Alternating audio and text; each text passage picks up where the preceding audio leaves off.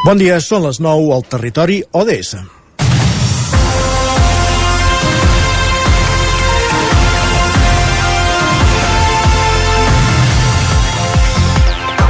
Sovint, per no dir cada dia, sentim al territori 17 el nostre home del temps, en Pep Acosta, lamentar-se de la falta de pluja que arrosseguem des de fa pràcticament dos anys.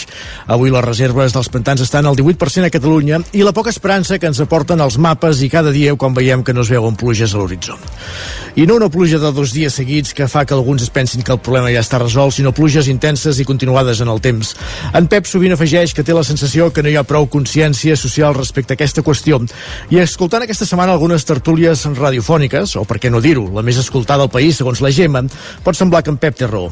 Posaven el crit al cel perquè el conseller va dir en primera instància que tancarien dutxes de gimnasos i equipaments esportius i després va rectificar dient que els equipaments que utilitzen aigua per omplir piscines o regar la gespa compensa, compensin aquesta despesa amb menys hores de dutxa.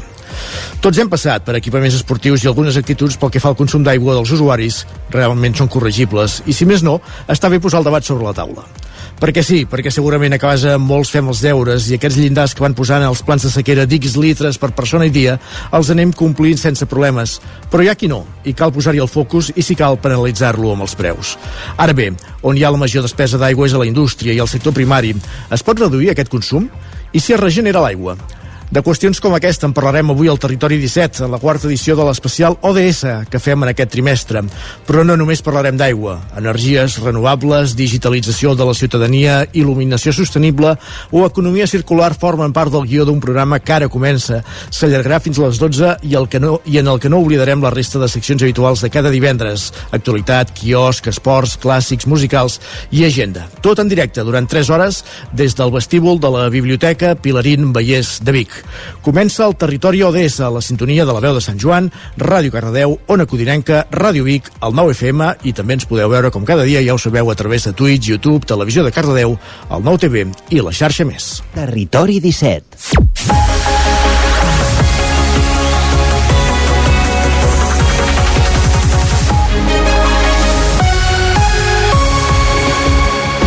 9, 9 i 2 minuts, comença una nova edició del Territori 17, avui en aquesta edició especial, en directe, com dèiem, des de la Biblioteca Pilarín Vallès de Vic, aquesta edició especial Territori 17, molt ben acompanyats per tot l'equip del Territori 17, aquí a la Biblioteca Pilarín Vallès de Vic ens acompanya l'Isaac Muntades, bon Roger dia. Rams, bon Enric dia, Rubio, Sergi Gràcies, Vives bon dia, bon dia. i molta altra gent que, que anirà apareixent durant aquestes 3 hores pels micròfons del Territori 17, avui Territori ODS.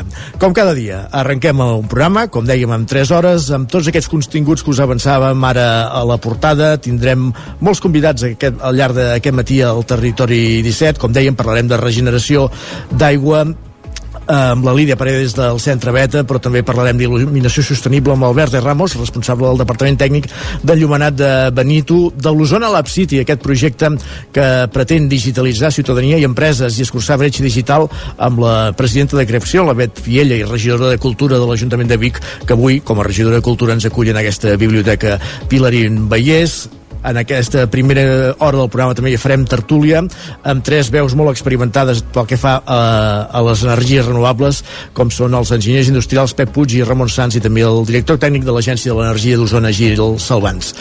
Aquests i molts altres són els continguts que us, eh, amb els quals us acompanyarem durant aquestes 3 hores de ràdio aquí al territori ODS des de la Biblioteca Pilarín Vallès de Vic i ara sense més el que fem és posar-nos en dansa com cada matí amb les notícies de les nostres comarques, les notícies del territori 17, que no són altres que les notícies del Vallès Oriental, l'Osona, el Ripollès, el Moianès i el Lluçanès. Territori 17.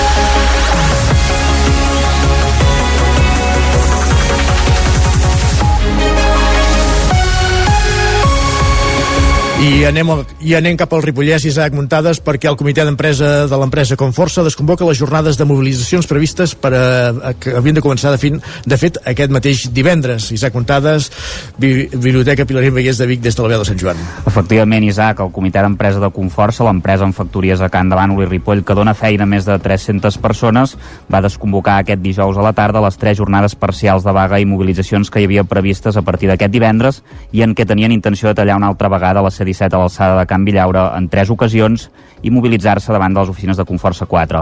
Les mobilitzacions s'han desconvocat arran de l'arribada del document oficial de paga de la bestreta, que en principi suposarà uns 1.000 euros pels treballadors i que també comportarà la revisió de les reclamacions d'enquadrament dels grups professionals. Aquestes eren unes condicions innegociables pel president del comitè d'empresa de, de comissions obreres, eh, Xavier Rodríguez.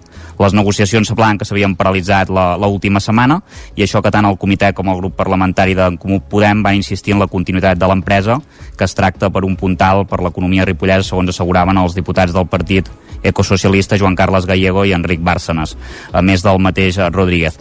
El president del comitè també avançava, però, que si el mes vinent no es produeixen avenços en les negociacions del conveni i la creació de la mesa de negociació de la viabilitat de Conforça, es faria una assemblea informativa i vinculant on tots els treballadors decidirien el full de ruta a seguir.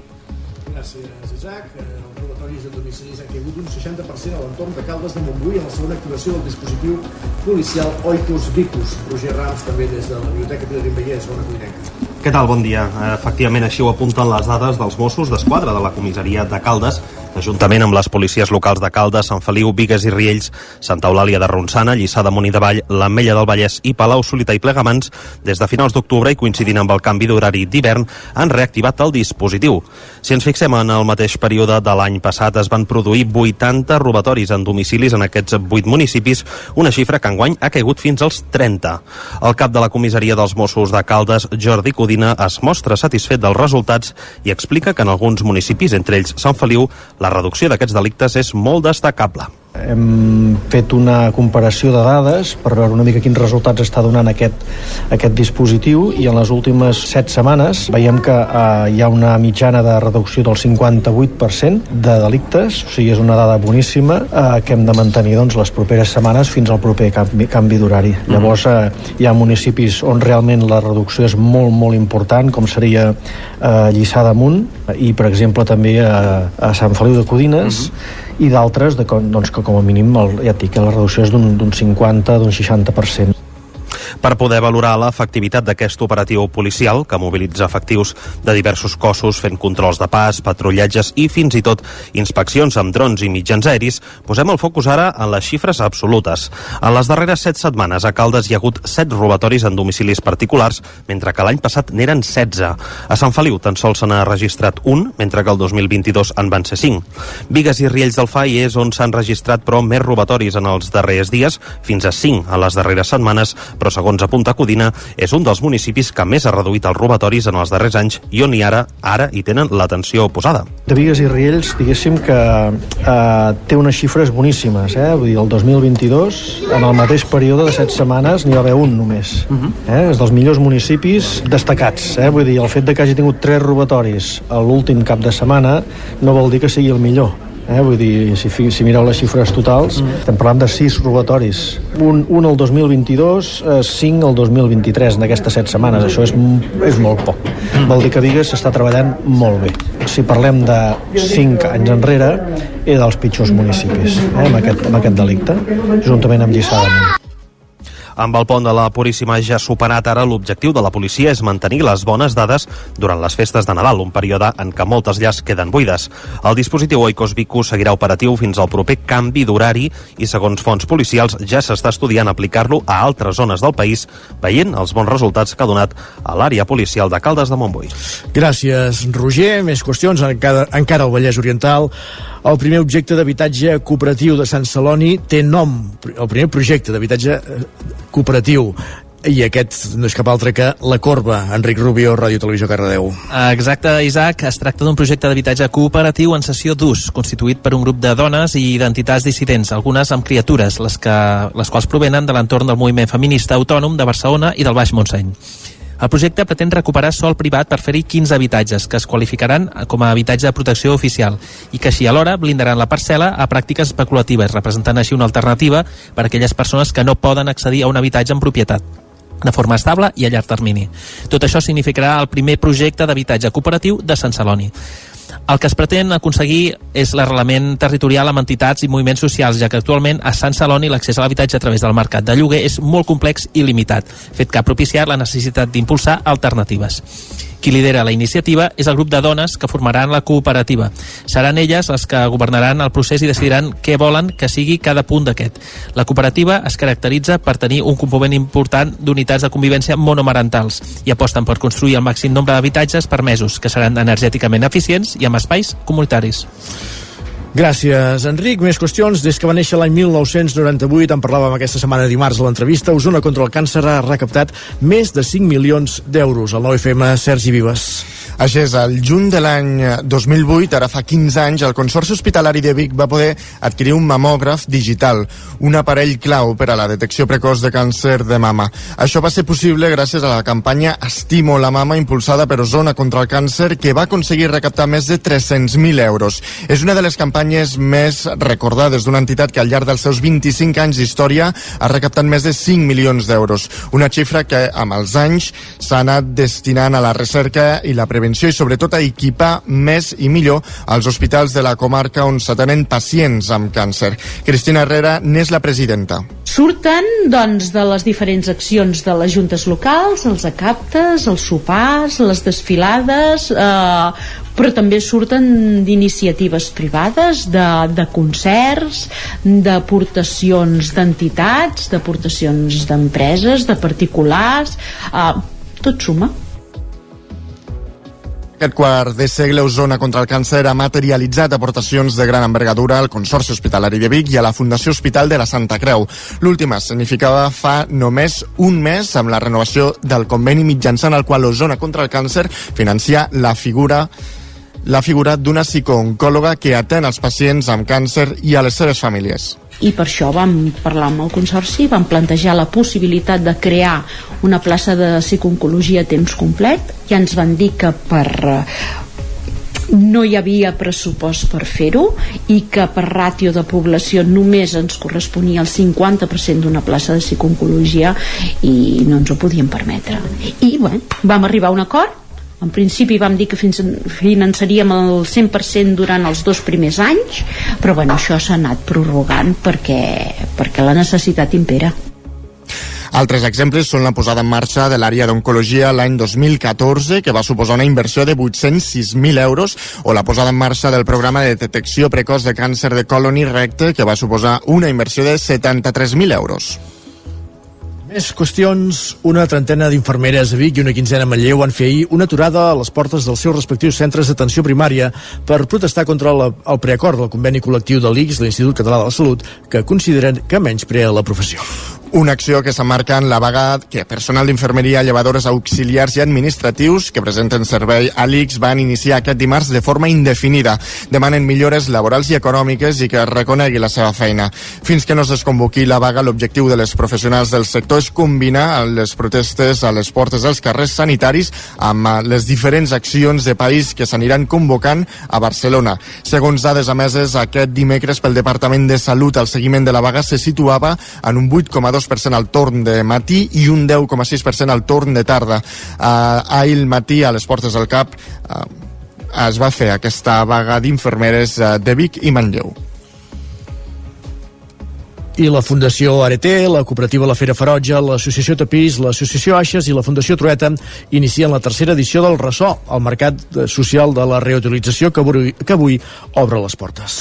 Així és, l'Orfeo Bigatà s'ha convertit en una botiga temporal d'articles reutilitzats i de segona mà. Tot plegat està impulsat per aquestes cinc entitats d'Osona que es dediquen, a banda de donar segones vides als objectes, a la reinserció sociolaboral de persones amb discapacitat o risc d'exclusió social. La botiga ja està oberta i el seu objectiu és oferir una alternativa de consum conscient de cara a les festes de Nadal. Xònia Vilamala és de la cooperativa La Fera Ferotge. Aquí al ressò el que s'hi troba són eh, productes que provenen de les cinc entitats i per tant eh, hi ha molta varietat de productes. Aquí podem trobar tant parament de la llar, eh, roba, eh, bicicletes, joguines, molt, eh, molt adequat en, en l'època de Nadal en què estem i la idea és això, la idea és que les persones que vinguin puguin trobar varietat d'objectes en un mateix espai, no? amb aquesta idea d'unir esforços en pro de la reutilització. El destí final, però, és impulsar un projecte de centre de reutilització a Osona permanent.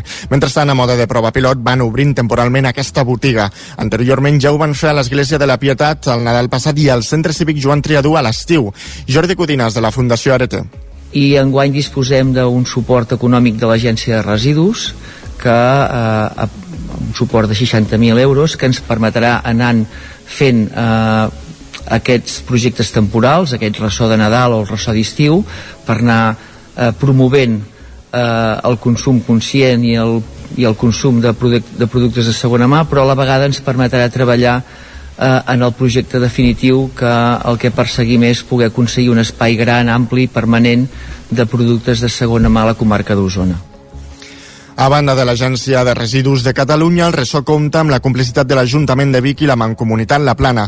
Aquesta tercera edició s'inaugurarà oficialment avui a les 6 de la tarda. Ho faran amb una desfilada de moda de segona mà i no és l'únic acte programat. Des d'ara fins al 5 de gener en aquest espai s'hi faran diversos tallers de restauració, reutilització, concerts i altres activitats. I ahir a Sant Pere i ahir a Sant Pere Tolló s'inaugurava el Rubanem, un espai d'intercanvi de roba de segona mà ubicat a les dependències del Casal Jove, als baixos del Casal Cultural i Recreatiu. És la culminació del projecte que en l'última fase han liderat tres alumnes de l'Institut Escola Josep Maria Chandri i que té origen en un treball per... fet per un grup més ampli d'estudiants del centre al curs passat. Esther Cubí és una de les professores i Martina Verdaguer, una de les alumnes. Sorgeix a partir d'un projecte previ que els hi vam fer, fer als alumnes, que era un projecte que es deia que ens sabem del que comprem, que analitzàvem des de, on, des de l'origen dels productes fins al seu rebuig. Uh, al final del projecte els vam demanar a cada grup que fessin una, una acció local i aquí va sorgir el, el Robanem. Perquè creiem que es tira molta roba i doncs que no en podem desaprofitar tanta i perquè no, això no passi vam dir que una cosa que es podria fer seria un intercanvi i així no en desaprofitem tanta. L'espai que ara s'obre és fruit de la col·laboració entre l'Institut Escola i l'Ajuntament de Sant Pere, que va veure amb bons ulls la proposta de materialitzar el projecte. Esther Serrat és la tècnica d'Educació i Joventut.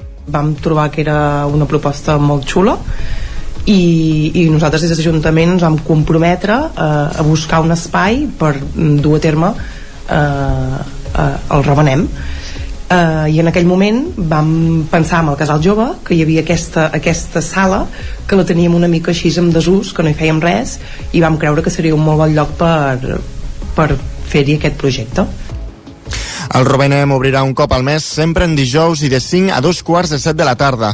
Les persones que hi acudeixin es poden endur la mateixa quantitat de peces de roba que hi portin. També hi ha l'opció de deixar-hi les peces i agafar-ne d'altres més endavant o de portar-hi roba sense materialitzar l'intercanvi. Gràcies, Sergi. Acabem aquí aquest repàs informatiu que començava amb el punt de les 9 en companyia d'Isaac Muntades, Roger Rams, Enric Rubio, Sergi Vi i Sergi Vives. És moment al territori 17 d'anar per la previsió del temps. Per tant, tornem cap a una codinenca.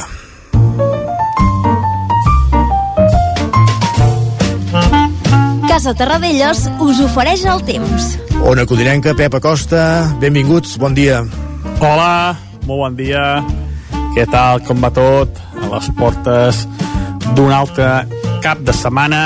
Com sempre, la informació meteorològica és una mica més important, eh, molts plans eh, o no, uh, moltes coses a fer o no. Pues bueno, per tothom la informació meteorològica.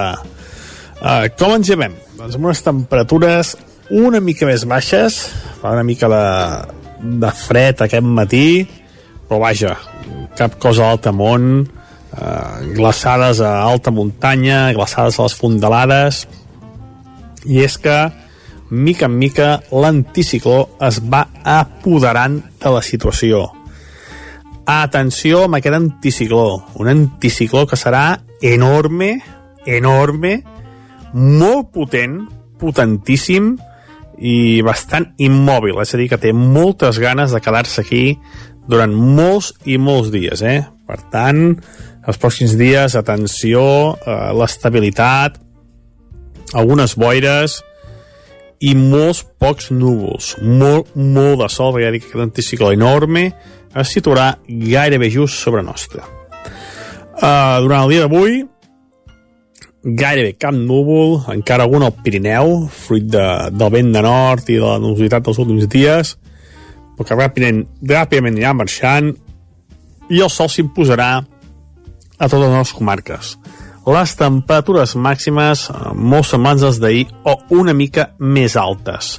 Gran contrast entre dia i la nit. La nit fredes i els dies una mica suaus, amb temperatures a molts llocs superiors als 15 graus. I el temps de tot el cap de setmana, tant dissabte com diumenge, serà un temps 100%, 200% diria jo, anticiclònic.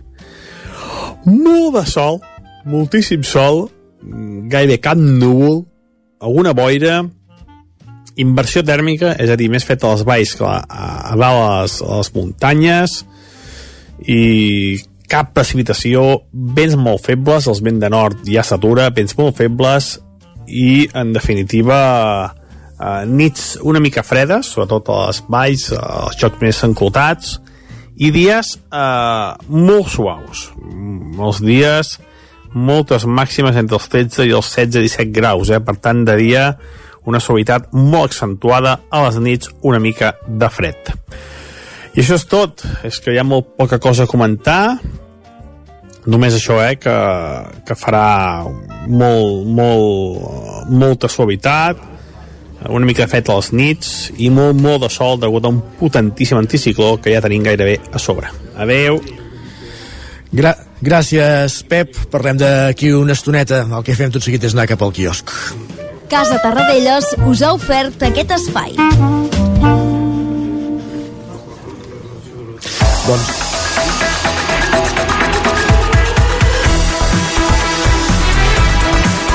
Uh, anem cap al quiosc, com cada dia amb en Sergi Vives per repassar les portades dels diaris del matí d'avui divendres 15 de desembre de 2023. Com a bon divendres, per tant, comencem aquest repàs a les portades amb les del 9-9. Així és, comencem per la d'Osona, el Ripollès i el Lluçanès. Ens diuen que desmantellen a Osona una xarxa que cobrava 8.000 euros per concertar matrimonis de conveniència. Diuen que captaven noies joves de l'àrea metropolitana per fer de parella, de fet, de persones que necessitaven el permís de residència. També destaquen que Jordi Puntí es corona amb el Sant Jordi altres titulars que ens trobem ens expliquen, diuen que la inversió tèrmica i la sequera disparen la contaminació atmosfèrica a Manlleu o que desallotgen nou ocupes d'un edifici municipal del centre de Ripoll. I a la portada del 9-9 del Vallès Oriental destaquen unes declaracions de l'alcalde de Canovelles que diu que esclata, diu que estan sols contra el top manta i la Generalitat els ha abandonat. Diuen que Cordero lamenta el silenci d'interior a la petició de més Mossos i al mercat.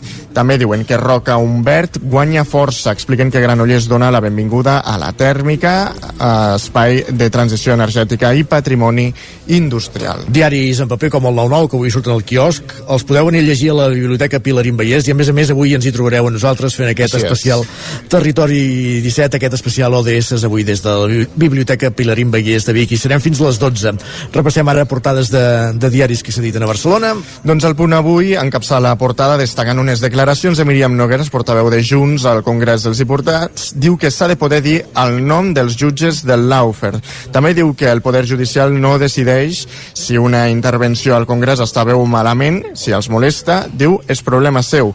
I també diu que veurem si alguns dels que ara critiquen tant la llei d'amnistia un cop, un, uh, un dia demanen de poder acollir-s'hi. El periòdico diu que la Unió Europea obre la negociació per a l'entrada d'Ucraïna. Diuen, expliquen que el Consell Europeu esquiva el veto de l'hongarès Orbán i dona llum verda al diàleg amb Kiev per iniciar el procés d'adhesió. Diuen que Zelensky qualifica la decisió de victòria. La Vanguardia eh, també eh, tira per aquest cantó, ens explica que hi ha llum verda de la Unió Europea per negociar l'entrada d'Ucraïna i Moldàvia. Diuen que l'olgarès Orbán, eh, Orbán eh, que suposava l'adhesió, eh, s'absenta de la sala per permetre a la resta de socis europeus que decideixin sense ell. Per altra banda, diuen que les pràctiques de milers d'estudiants de formació professional estan en l'aire. Expliquen que la inscripció obligatòria a la Seguretat Social va amb retard per falta de regulació. I l'Ara eh, destaca que Xavi es queda sol després del, de l'Anvers. Eh, expliquen que la relació de l'entrenador del Barça amb Deco toca fons i alguns directius donen per fet que els partits contra el València i l'Almeria seran decisius per al seu futur. I ara la pregunta al milió, el problema aquí és Xavi o és Deco? Però vaja, no, no serem nosaltres ara aquí i posem llum perquè tampoc no... Això ho deixem per la tertúlia esportiva. Exacte, això serà dilluns. Uh, repassem portades de diaris que s'editen a Madrid. Doncs el país obre portada explicant uh, que la Unió Europea obre les negociacions per l'adhesió amb Ucraïna. Diuen que els 27 prenen una decisió històrica després de salvar el veto d'Hongria i Zelensky celebra l'inici del procés amb una, com a una victòria per a tota Europa. L'ABC diu que el PSOE va activar la moció de Pamplona una setmana després de la investidura. Expliquen que Bildu, PSN i Garo Abay es van citar en un xoco per preparar l'assalt a l'Ajuntament i van acordar respectar l'alcaldessa d'UPN fins després de Nadal. Diuen que Sánchez es reunirà amb el pròfug Puigdemont sense esperar a que sigui amnistiat i en ple assetjament dels seus socis a als jutges davant la passivitat del president. El Mundo diu que Puigdemont va pactar amb Sánchez una foto de rehabilitació total. Diuen que Junts i el PSOE inclouen en les negociacions per la investidura una reunió entre el president i el pròfug. Diuen que es eh, planteja una primera cita informal a Estrasburg, però es treballa perquè es produeixi després de deixar la presidència de la Unió Europea.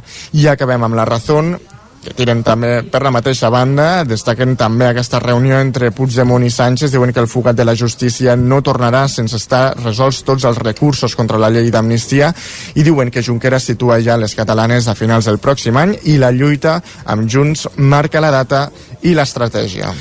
Gràcies, Sergi. Eh, fem com cada dia també un cop d'ull als digitals, a les dues edicions digitals de, del 99.cat. Comencem per del Vallès Oriental. Ens diuen que Granollers adjudica per 2,17 milions el projecte d'hort solar a l'antic abocador de Palou és un dels titulars que hi ha a l'edició del Vallès Oriental i a l'edició d'Osona, el Ripollès i el Lluçanès. Doncs que desallotgen nou ocupis d'un edifici municipal a Ripoll. Doncs són titulars que podem llegir avui al quiosc, altres que tu, a les portades digitals. Nosaltres al Territori 17 el que fem és una petita pausa, però res, 3 minutets i tornem des d'aquí, en directe, des de la Biblioteca Pilarín Vallès de Vic. Fins ara mateix.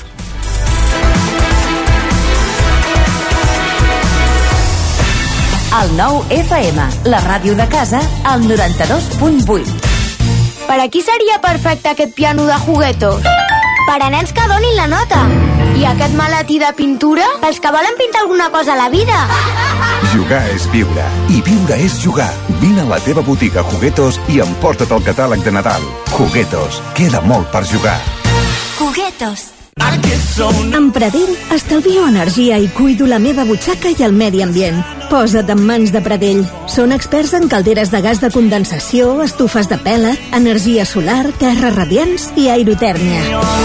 Pradell instal·la aires condicionats amb bombes de calor per a particulars i empreses. Si vols estalviar un 50% en consum, contacta amb Pradell i passa't a les energies renovables. Pradell. Som a l'Avinguda dels Països Catalans 27 de Vic. Telèfon 93 885 1197. Pradell.cat Pradell us desitja bones festes.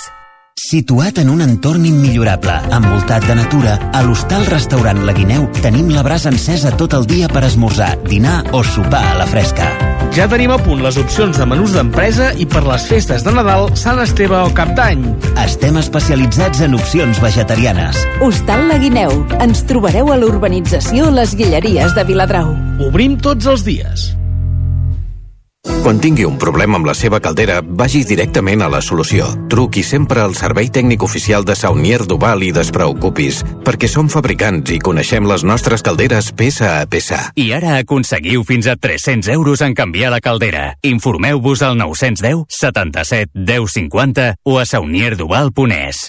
Menja ràpid, menja fàcil, el trinxat de les Cerdanyes. Mmm,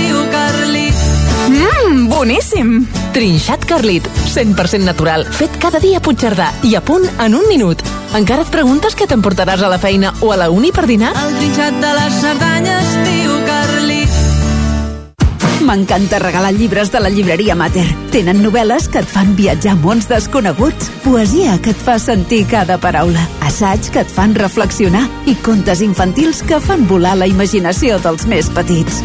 M'agrada regalar agendes, quaderns, bolígrafs i calendaris de la llibreria Mater. Si busques un regal original, no busquis més. Tenen una àmplia selecció de regals de papereria que segur que els encantarà. Llibreria i papereria Mater, seleccionant el que farà feliç als teus des de 1957. Pla de Balanyà 23 de Vic. Cada dimarts a les 11 de la nit, al 9 FM, repàs de l'actualitat esportiva a la banqueta. El 9 FM, el 9 FM, el 9 FM, el 9 FM. En punt, dos quarts de deu, al territori Odessa.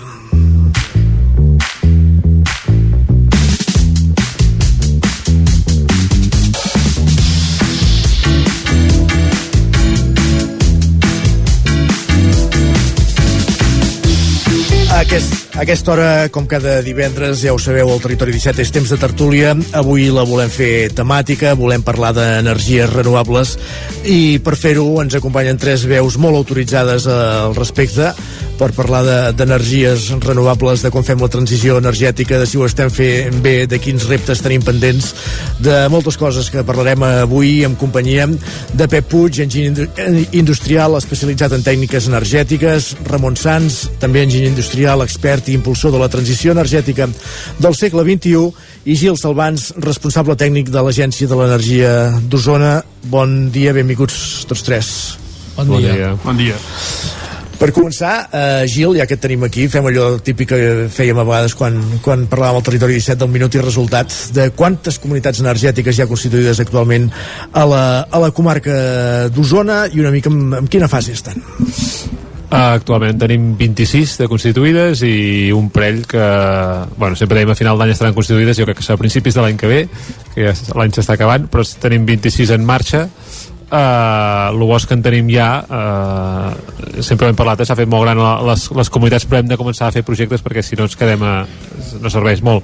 I el bosc que tenim 4 o 5 comunitats que ja comencen a tenir projectes que estan en fase de, de connectar aquests projectes eh, connectar-los a la xarxa i, i en breu començar a rebre estalvis a les factures dels socis i sòcies d'aquestes comunitats És una bona iniciativa, les, són una bona iniciativa les comunitats energètiques, Pep, Ramon... Evidentment que són una bona iniciativa perquè demostren que la ciutadania està per fer la feina. La feina enorme que tenim al país per passar de la situació actual d'absoluta dependència de combustibles fòssils importats, cars i contaminants a un sistema energètic 100% renovable.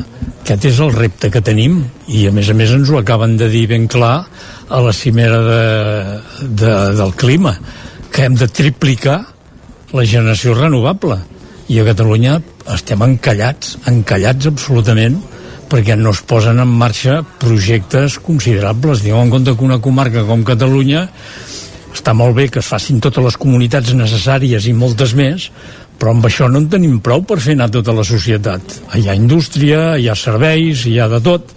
Hi ha també la mobilitat, que l'hem d'abandonar deixant de cremar combustibles fòssils. Per tant, el repte és enorme i calen moltes iniciatives a tots els nivells i de tots els sectors. Uh, Ramon, endavant. No completament d'acord amb en Pep, amb en Josep. Evidentment, comunitats energètiques i, i, i tal com estem, que no avancem, Catalunya estem a la cua d'Europa, vol dir que la cosa, la cosa no, no pinta gens bé, però i, jo deixeu-me que aquests dies estic em- empenyent que s'utilitzi ei- una eina que jo tinc, ja, ja fa uns anys que tinc feta, però que l'he anat, anat avançant, l'he anat millorant, i actualment doncs, eh, és una eina que serviria perfectament per comunitats energètiques, per municipis i per comarques. Ja no solament de Catalunya, sinó de, de, d'Europa i d'on vulguis. Vull dir que eh, intento engrescar a fer una web per utilitzar-la a nivell europeu. I, I aquí ofereixo altruistament el model de càlcul. I ningú et fa cas, vols dir? Cost, costa, sembla que sigui una cosa sobretot a nivell, a nivell de, de govern de, de Catalunya, sembla que sigui una cosa secundària això de la, això de la transició energètica el canvi de model energètic, etc. Aquí per, això permet perfectament fer un projecte de transició energètica i un projecte de, eh, de partició, de, o sigui, de, de com distribuïm l'energia en el país. Mm -hmm. Perquè abans en Josep eh, apuntava el fet aquest que, que Catalunya anem enrere, que no ens tiren en, endavant projectes, que està en certa manera aturat. Què és el que ho atura? Eh, són aquestes mobilitzacions que hi ha a vegades des de la ciutadania quan es planteja un parc fotovoltaic de dir aquí no, o quan es planteja eh, un molins de vent, aerogeneradors també a la, a la mateixa línia, això és el que ho frena o, és, o, o això és l'excusa, diguéssim, per no actuar, diguéssim. No, no, no ho frenen aquestes minories que són cridaneres i que els mitjans de vegades els hi donen massa protagonisme.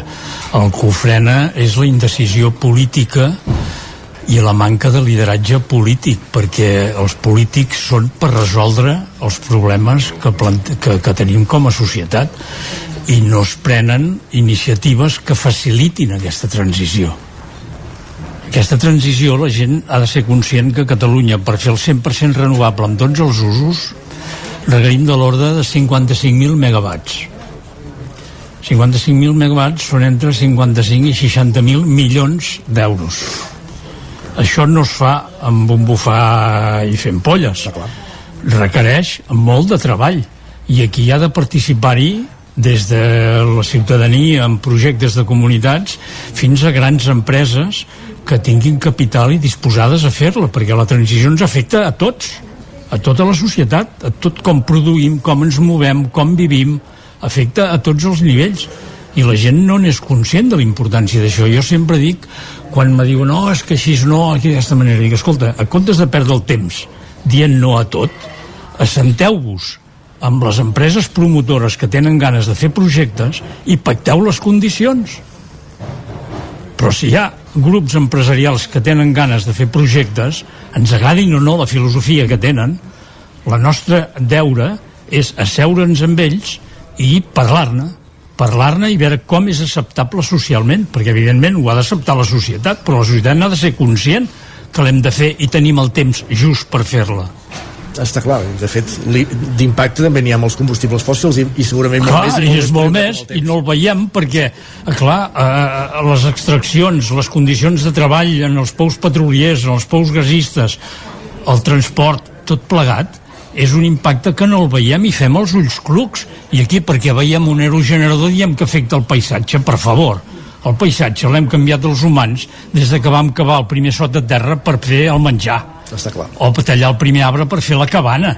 Els humans estem aquí i transformem la societat, transformem la Terra.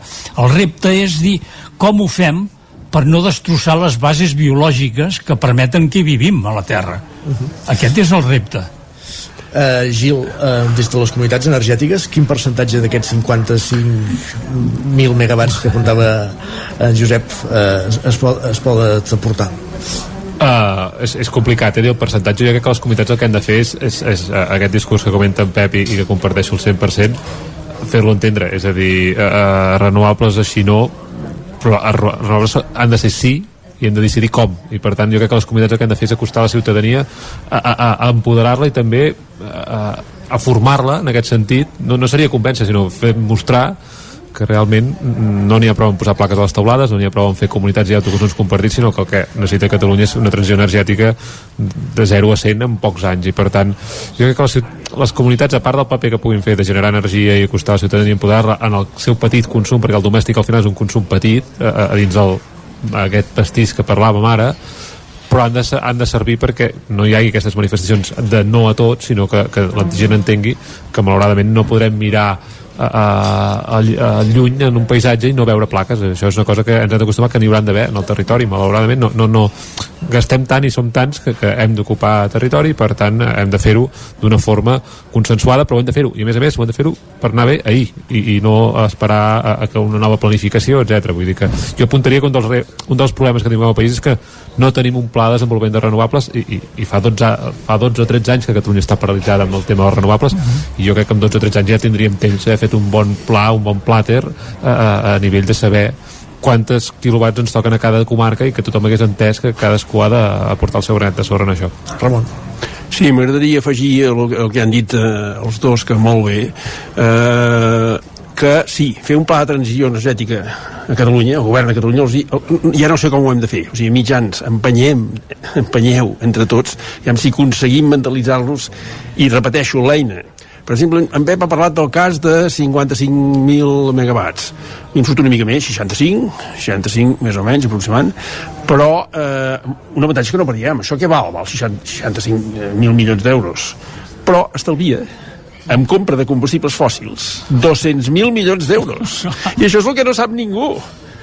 M'entens? Clar, aquests dinerons els guanya algú, els guanya algú empreses que, que, que, que tenen la capacitat de comprar polítics siguem clars i diguem-ho clar m'entens? Aleshores, eh, un problema important, important.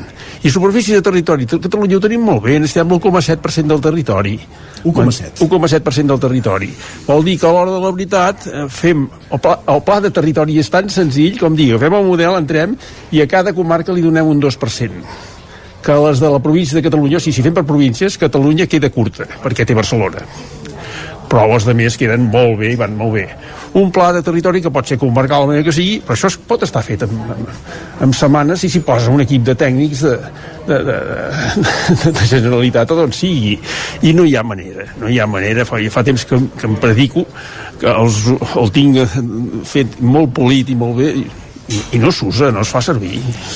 Uh, Gil, uh, ara parlàvem de, de l'administració, però els contratemps amb els que us trobeu també des de les comunitats uh, també ve del sector energètic o de les comercialitzadores a l'hora de, de connectar-se, no? De connectar aquesta energia que generen les comunitats, que generen les taulades particulars, diguéssim, d'ús compartit.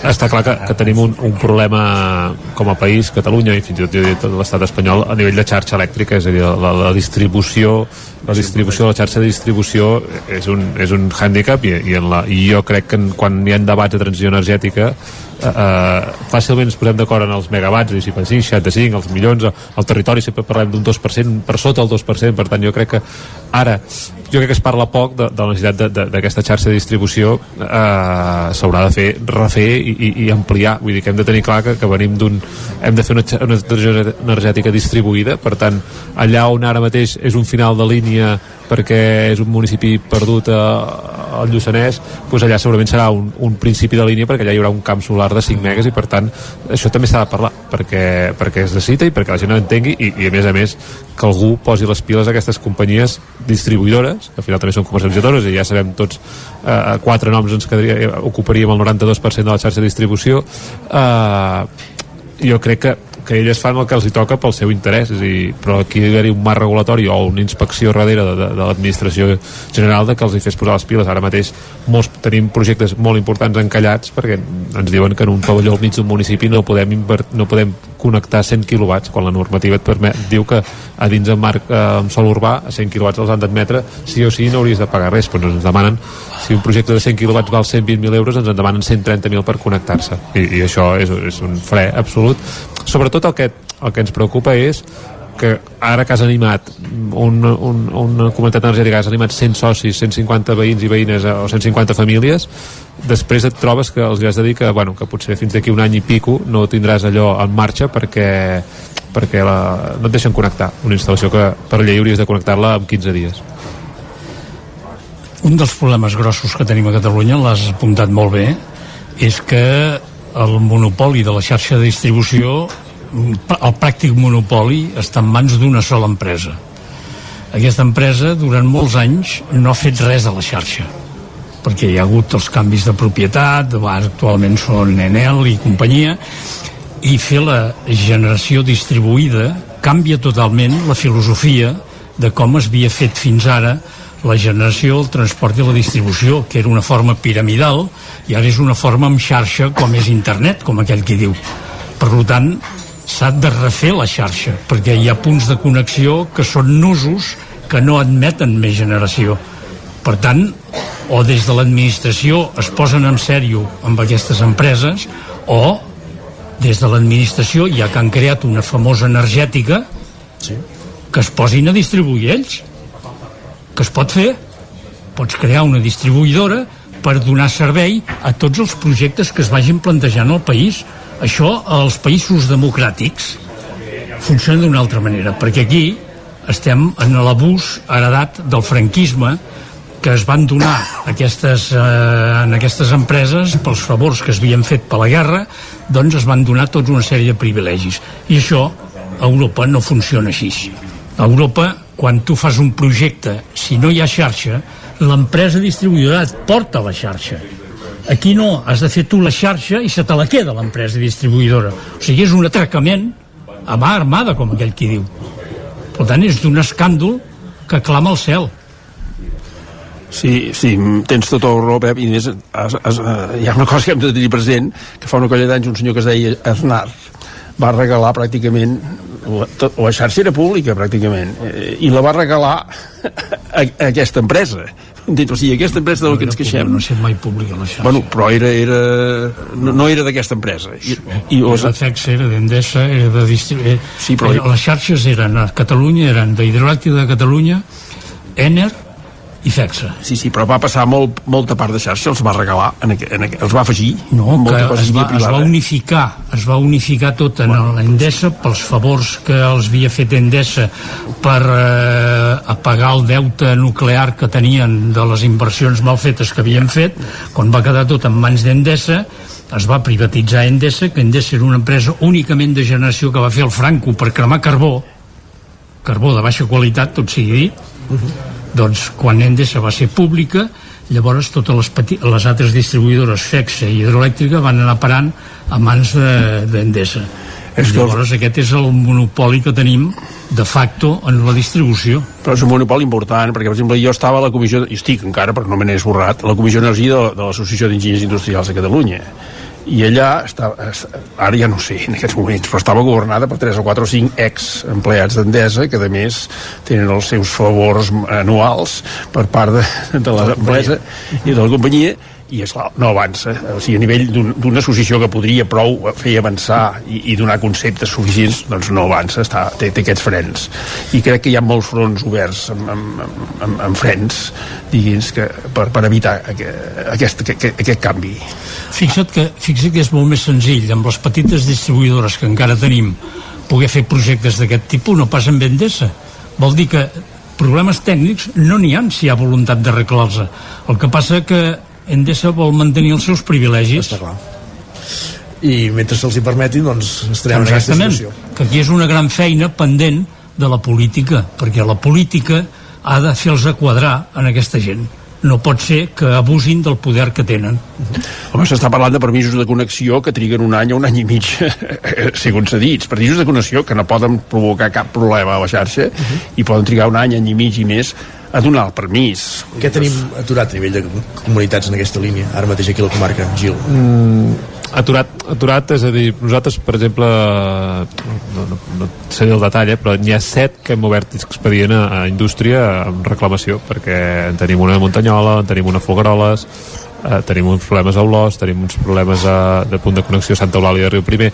És el que dèiem, eh? trobem una xarxa que no està, és a dir, és com quan en una casa portes 20 anys sense fer manteniment, que quan hi entres llavors et penja tot, pues, la xarxa ens passa una mica el mateix, és a dir, te'n vas a connectar 100 kW no sé on d'aquí la comarca i trobes que, hostis, que no hi ha, no hi ha, no hi ha estació transformadora, no, no, no està preparat, molts municipis encara no tenen uh, línies trifàsiques de 400 volts, que llavors vol dir que no pots ni tenir un cotxe elèctric, perquè no et carrega a, a, a trifàsica 230, vull dir que la situació de la xarxa, eh, com apuntava Pepe, és a dir, és, és, és preocupant en aquest sentit. La transició energètica eh, no només és canviar de, de font d'energia, sinó també d'alguna manera reduir el consum. Tecnològicament això anem cap aquí perquè cada cop es fan aparells més, més eficients però no sé si també socialment eh, cada individu, cada persona també ha de fer un esforç, un esforç en, aquesta, en aquesta línia diguéssim, de, de ser més eficients, de consumir menys energia.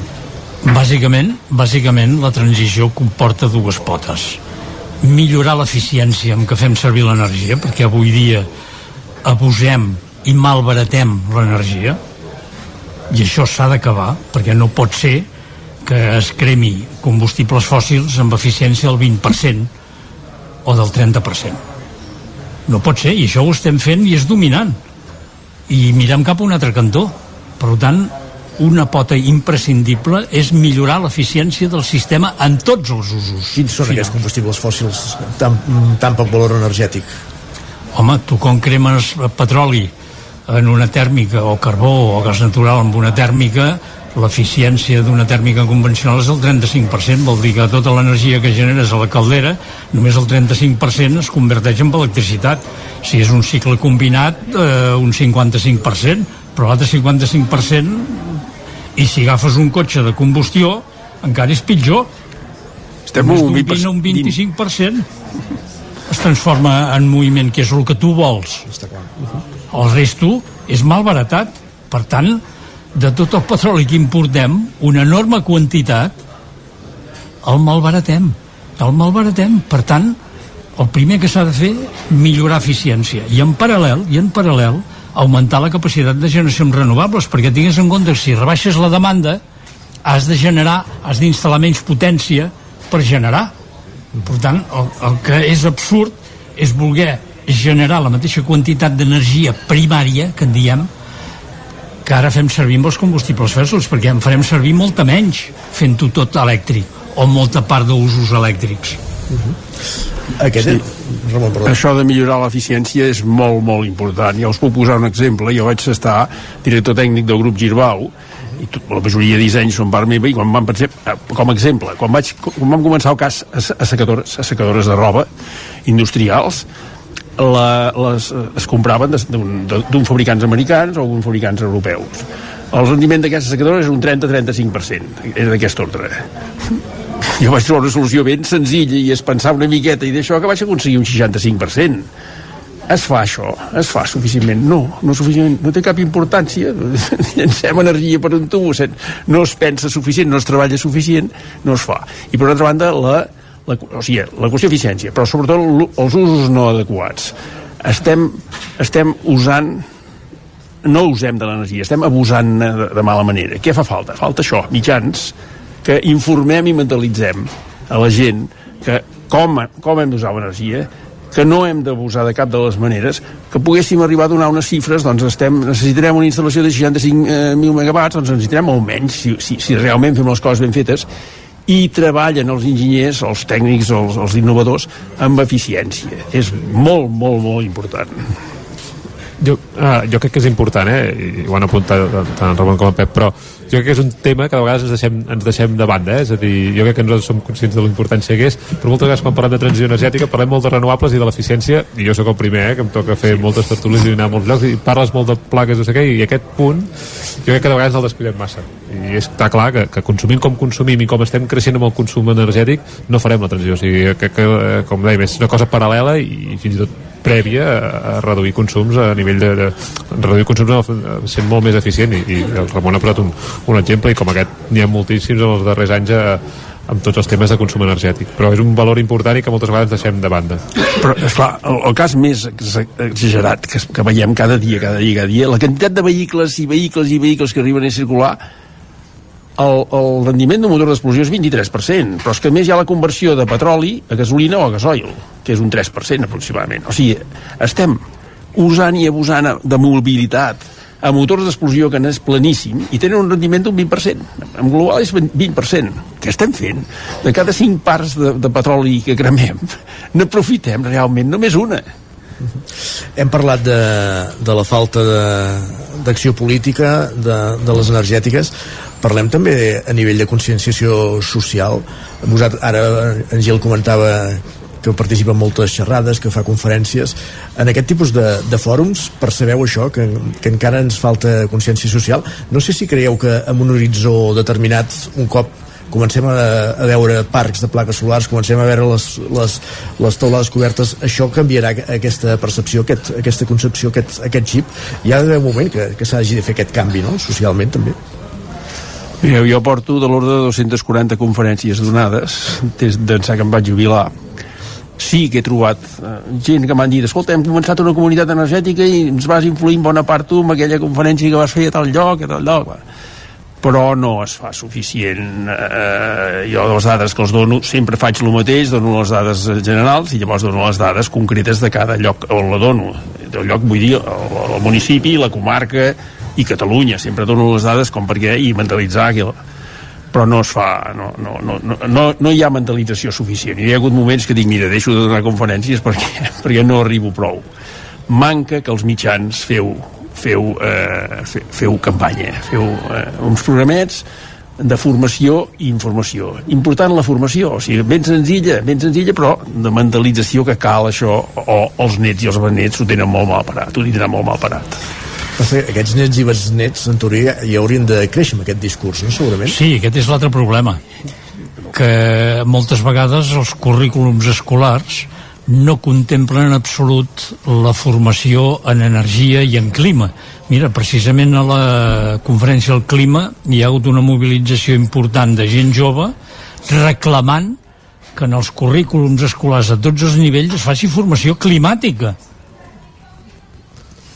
Clar, i ara que està a la palestra tot el tema ensenyament a Catalunya pels informes PISA i companyia, Has vist algú que tractés el tema de com introduïm la formació climàtica a la, en els currículums escolars? I, I serà un dels temes on s'hi haurà de viure, perquè la gent jove que va creixent haurà de viure en una situació d'estrès climàtic. Llavors, quines eines els hi donem perquè siguin capaços d'influir i d'anar canviant els seus hàbits amb una situació de més coherència climàtica, com aquell qui diu. Jo a, a afegir que, que a més a més en això estem en una emergència climàtica i jo crec que un concepte que no s'ha entès o que no, no, no s'ha traslladat i en Ramon ho apuntava és a dir, estem, estem a, a primera línia de foc, és a dir, amb, amb, amb l'emergència climàtica, el clima mediterrani, sí. Catalunya està al mig, estem a, a, a, la, a la trinxera, estem a primera línia, per tant serem els primers a rebre, eh? és a dir, és un tema que, que jo crec que ens vam equivocar molt quan fèiem les primeres, les, les primeres xerrades amb canvi climàtic, que ficàvem la foto de l'os eh, sobre el gel, i això queda molt lluny del canvi. O sigui, el problema és Catalunya, a, a zona mediterrània, a, a primera línia de foc amb el tema de l'emergència climàtica, i jo crec que, que, que malauradament, i té coses bones, però tornem a tenir el petroli per sota els 80 dòlars al barril, tornem a tenir el gas natural molt barat, tornem a tenir l'energia elèctrica baixant, i això això és un problema, malauradament és un problema. És a dir, uh, per què hi ha 26 comunitats energètiques a Osona? Uh, per què hi ha més de 2.000 persones que han fet sòcies? Perquè va haver-hi un any que l'energia valia molts diners i va ser quan ens va preocupar i malauradament aquí és que hem, hem fracassat amb, amb la teva conscienciació i educació d'aquest tema i com, com no ens ha tocat la butxaca i s'ha mogut més coses però, però és a dir, em havia trobat fa 10 anys feies una xerrada i érem 5 mm, persones et venien escoltant parlant de transició energètica, la feies fa un any i mig i amplies la sala i eren 70 persones i ara ja torna a baixar la cosa perquè ja no torna a ser, com que puc anar passant doncs vaig passant i, això és un, i, i el problema d'anar passant amb l'emergència climàtica és que tot plegat un dia no passarem, passarem allà I som a temps eh, d'arribar al 2050 amb aquest objectiu de, de zero combustible fòssil? Tots els models apunten que sí però requereixen acció immediata. Acció immediata vol dir no deixar-ho per demà, sinó fer-ho avui. I aquest és el repte, posant-s'hi d'una vegada, en sèrio i ràpidament. Bueno, incògnites del que pot passar eh, n'hi ha moltes, perquè imaginem, hi ha una cosa que a mi em fa gràcia quan escolto el temps, per exemple, a TV3. Et surten que, bueno, no plou, bueno, pues ja, ja plourà, però bueno... No. Ja, com plovia a Catalunya? Plovia bàsicament per dues, dos motius, els, els temporals immensos que hi havia als estius, que naixien de Pirineu i ens baixaven fins a, fins, a, fins a la costa pràcticament i ja ens queia molta aigua i les i l'hivern el, els, com ne diem de... els llevants eh? els llevants els llevants, el que en dèiem els llevants les llevantades, sí. llevantades quantes llevantades hem vist en els darrers dos o tres últims Cap, anys? S'han acabat, acabat. Cap d'on ens ha de venir la pluja? Ens ha de venir de l'Atlàntic. Què ens passava quan venia de l'Atlàntic? Ja sabíem que no arribava. Qualsevol temporal que ens venia de l'Atlàntic no sabia... Sé si se'n parla. Algú ha sentit a parlar en algun programa de, de la Mete o de, de TV3 eh, dient, ostres, el problema que tenim és que ens ha canviat això. O sigui, això és gravíssim. Això, això no és, no, no és un, un temor de que, home, quan, com avançarà? No ho sabem com avançarà.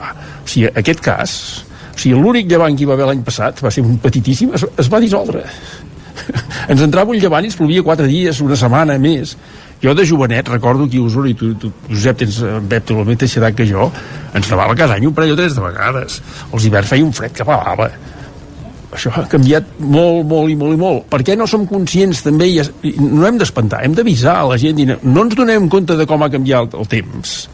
I això, les meteos unint. Doncs no, Uh, tu, han de, ara han de venir de, de l'Atlàntic i de l'Atlàntic arriba quatre gotes. És el que ens està arribant ara no, no, no, ho resoldrem pas. Llevants, jo, jo no sé si tindrem cap més llevantada ja. I temporals de Pirineu ja ho hem vist. Re, quatre núvols, un tro i ni una gota. Però res, poquíssims. Abans era tres dies a la setmana els estius. Eh, si no ens donem compte dels canvis que ja estem tenint i del de pressa que van aquests canvis no, no, és que, és que, és que estem en una situació que ens hem d'espantar una mica. I espantant-nos poder canviaríem però és que hi ha motiu per espantar-se? Molt. N'hi ha moltíssim. No, no ens agrada eh, que les tertúlies amb, amb, amb to negatiu o pessimista però a mi tampoc. la, la realitat és la que és, eh? oi Gil? Sí, sí, eh, eh, jo crec que no cal afegir res més la realitat i malauradament és el que dèiem, és a dir, és que no, hauríem de començar-ho ahir, és a dir, jo crec que podem arribar al 2050 eh, complint bona part dels objectius però hem de tenir clar que això és un canvi radical i una inversió en temes renovables i eficiència energètica que mai vista amb, alt, amb res, és a dir, és una Home, cosa... fixa't, fixa't que la Unió Europea quins objectius s'ha posat? Reduir un 45% les emissions el 2030 el 2030 Uh, Josep Puig, Ramon Sans, Gil Salvans, moltíssimes gràcies per acompanyar-nos en aquest matí aquí, en aquesta edició especial del Territori 17, des de la Biblioteca Pilarín Vallès, posant el focus en la, amb l'emergència climàtica, en les energies renovables. Moltes gràcies per ser avui amb nosaltres i, i us esperem en, en una altra ocasió. Fins la propera. Gràcies. Sí. Gràcies, moltes gràcies. I ara, quan ja són les 10 del matí, és moment de tornar-nos a actualitzar el Territori 17. Territori 17.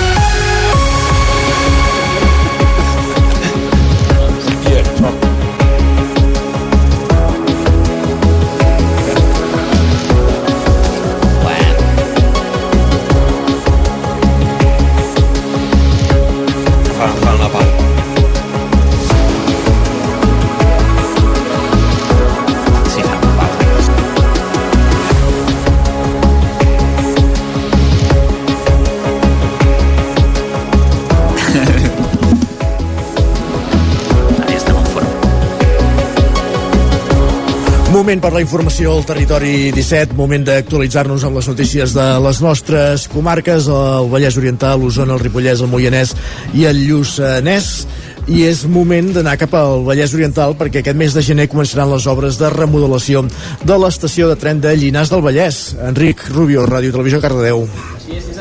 Com a mínim això és el que ens ha, el que ha comunicat a DIF segons les seves previsions. Uh, un dels fets que més amoïna la població són els efectes que això pot tenir a la regularitat dels trens i els seus horaris. No obstant, tot i que han informat que el servei no quedarà perjudicat en cap moment, les reformes tindran diverses afectacions pels usuaris de l'estació. El primer pas serà construir un mòdul, un mòdul provisional que a partir del mes de gener del 2024 actuarà com a zona d'atenció i compra i validació de bitllets, mentre que l'actual edifici quedarà tancat al públic. Un cop aquest mòdul estigui operatiu, s'hi començarà a instal·lar rampes d'accés per facilitar l'accessibilitat a les persones amb mobilitat reduïda. Pel que fa a la qüestió més estètica i arquitectònica de l'estació quedarà envidrada de forma diferent amb un total d'inversió prevista de més de 3,5 milions d'euros. Segons el calendari establert, al febrer s'iniciaran els treballs a les andanes, on s'instal·laran marquesines per protegir els usuaris de les inclemències meteorològiques. I com que no es poden fer amb trens circulant, aquestes obres s'hauran de fer de nit, una circumstància que possiblement causarà molèsties en forma de sorolls i trànsit de vehicles i maquinària als veïns i veïnes de la zona. No serà fins a, fins a la tardor del 2024 quan Adif té previst iniciar les obres de millora de la zona d'estacionament, un nou mòdul de cancel·lació de tiquets i accés a través de les barreres, nou paviment i la voluntat de mantenir els llocs d'aparcament. També hi haurà canvis en els accessos, les entrades i sortides estaran situades únicament a la zona d'aparcament i a l'edifici de l'estació i s'eliminaran els cancells actuals. Hi haurà un punt d'aparcament per a bicicletes que es resituarà i els taxis podran estacionar a la zona en què s'han situat amb l'inici de les obres. El punt en què podien esperar fins ara ara es convertirà en una petita placeta pública. Si com sigui, està previst que al gener de 2025 tot això sigui una realitat i pugui haver-se enllestit per donar lloc a l'estació definitiva. Gràcies, Enric. Encara al Vallès Oriental, l'Ajuntament de Caldes de Montbui ha fet una donació de 3.000 euros per combatre la crisi humanitària a la franja de Gaza. Roger Rams, una codinenca. Exacte, el consistori calderí ha fet aquesta aportació a través de la campanya que el Fons Català de Cooperació al Desenvolupament ha posat en marxa per enviar ajut humanitari des de Catalunya, recollint aportacions dels ajuntaments del país. Isidre Pinet, alcalde de Caldes i vicepresident del Fons Català de Cooperació al Desenvolupament, explica que l'aposta de Caldes en matèria de solidaritat és ferma. L'emergència humanitària a la guerra entre Israel i Palestina és molt greu i per això des de l'Ajuntament de Caldes de Montbui ens hem sumat a aquesta campanya del Fons Català de Cooperació eh, adjudicant-hi uns 3.000 euros del pressupost en solidaritat internacional eh, perquè creiem que malgrat les dificultats que suposa poder enviar ajuda humanitària al destí, doncs, els ajuntaments catalans també hem de posar-hi de la nostra part. L'Ajuntament de Caldes de Montbui sempre estarà al costat de la pau i de les víctimes que, que pateixen, eh, en aquest cas, els efectes eh, de la guerra.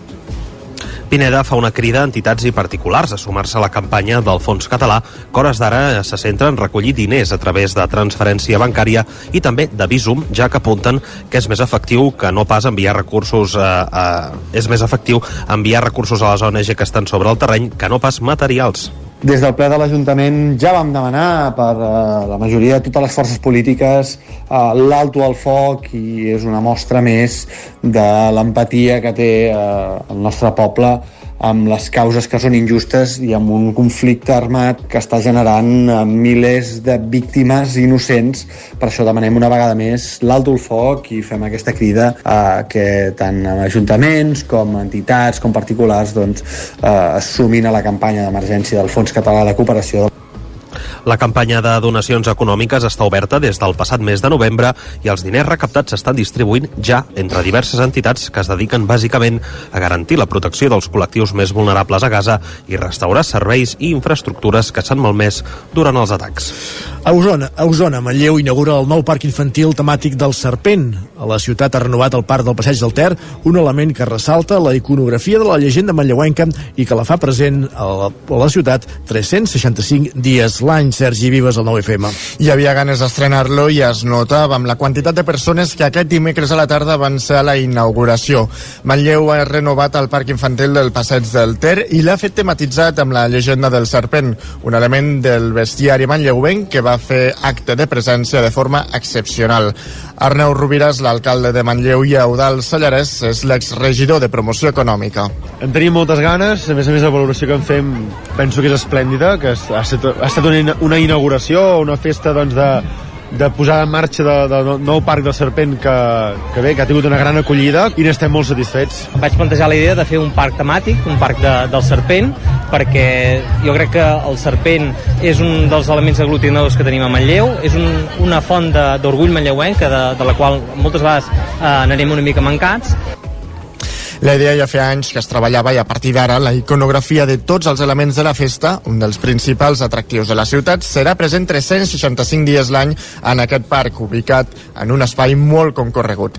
Arneu Roca és el president de l'Associació de la Festa del Serpent.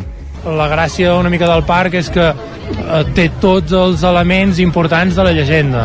O sigui, tenim el serpent, evidentment, però també tenim el diamant, tenim els bailets, tenim eh, el morter en forma de rocòdrom, i totes les eh, propostes tenen molt la, la idea aquesta de que és un serpent, per tant, eh, línies sinuoses, val? tot eh, això eh, ficat a dintre de, del passeig del Ter, que en el fons és el lloc d'on neix la llegenda. El nou espai temàtic l'ha dissenyat l'empresa manlleuenca Benito i compta amb una instal·lació multijoc al centre en forma de serp i al voltant gronxadors, un sorral, un balancer i un parell de molles a banda de dues casetes de joc simbòlic. El nou parc ha obtingut un cost ha tingut un cost de gairebé 143.000 euros i permetrà que l'esperit de la festa del serpent hi sigui present tot l'any. I el grup usonenc Obeses Obrim Plana Cultural, liderat per Arnau Tordera, anuncia que publicarà un nou disc. El nou àlbum, el sisè d'estudi del grup, veurà la llum l'any vinent, el 2024, i el presentaran el 29 de juny a la sala Paral·lel, Paral·lel 62 de Barcelona. Arribarà sis anys després de la publicació l'any 2018 de Fills de les Estrelles i coincidirà amb el 14è aniversari de la banda sobre els escenaris. En un comunicat, Obeses explica que l'anunci acaba amb un període d'incertesa en el qual la banda ha travessat alts i baixos com la pandèmia o la mort sobtada del seu representant, sense fontestat. Les entrades pel concert de presentació del nou disc ja estan a la venda. I ara anem cap al Ripollès perquè l'espai Art 60 de Sant Joan de les Abadesses es consolida després del seu primer any de vida i ja té programades exposicions fins a la tardor del 2025. Isaac Muntades, la veu de Sant Joan. Correcte, Isaac. L'Espai Art 60 de Sant Joan de les Abadeses, que és una galeria d'art contemporani ubicada al carrer Josep Mestre Andreu, ja ha complert el seu primer any de vida. Aprofitant l'arribada de les festes nadalenques, la galeria aquest pròxim dissabte farà un acte que du per nom per Nadal, Torrons i Art, que es troba dins la programació d'actes i esdeveniments relacionats amb el calendari d'exposicions. Segons explicava el responsable de la galeria, Quim Banyó, l'activitat coincideix amb l'exposició de la planxa al paper de Josep Quinobart, que es pot veure fins al 5 de gener de l'any vinent. Dissabte, la presidenta del Centre d'Espai Guinovart, Maria Guinovart, portarà els estris necessaris per ensenyar com s'executa el procés de creació gràfica. Banyó remarcava quines exposicions porten a l'espai Art 60. La galeria vol ser un lloc on es pugui eh, expressar el món de la pintura, l'escultura i la fotografia contemporànies, eh, bàsicament. És veritat que hi ha altres tècniques que també vull donar-li cabuda, com podria ser el món de la ceràmica, i... però bueno, anirem fent. La nostra intenció és fer un calendari d'exposicions on cada dos mesos puguem anar eh, canviant l'exposició.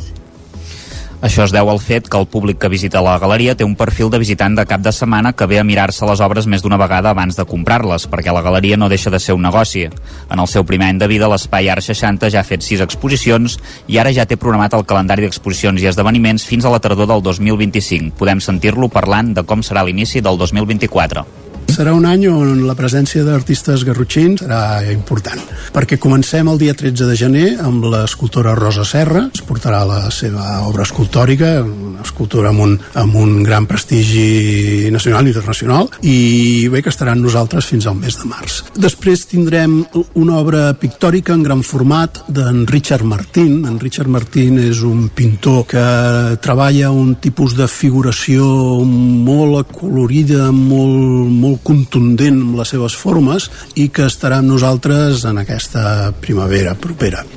El mes de maig hi exposarà Manuel Solà, que portarà una selecció de les seves obres escultòrica. A més, l'Ajuntament també ha cedit les dues sales de dalt del Palau de l'Abadia perquè els mesos de febrer i març hi exposi una sèrie de grafits pintats. A la tardor també hi haurà una exposició de Quim Domènech i una altra de fotografia paisatgística d'Islàndia pel Nadal.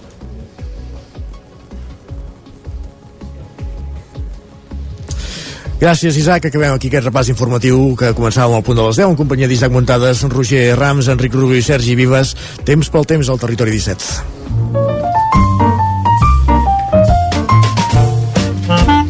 Casa Terradellos us ofereix el temps.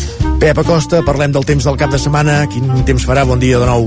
Hola, molt bon dia per tothom. La informació meteorològica. Uh, com ens llevem?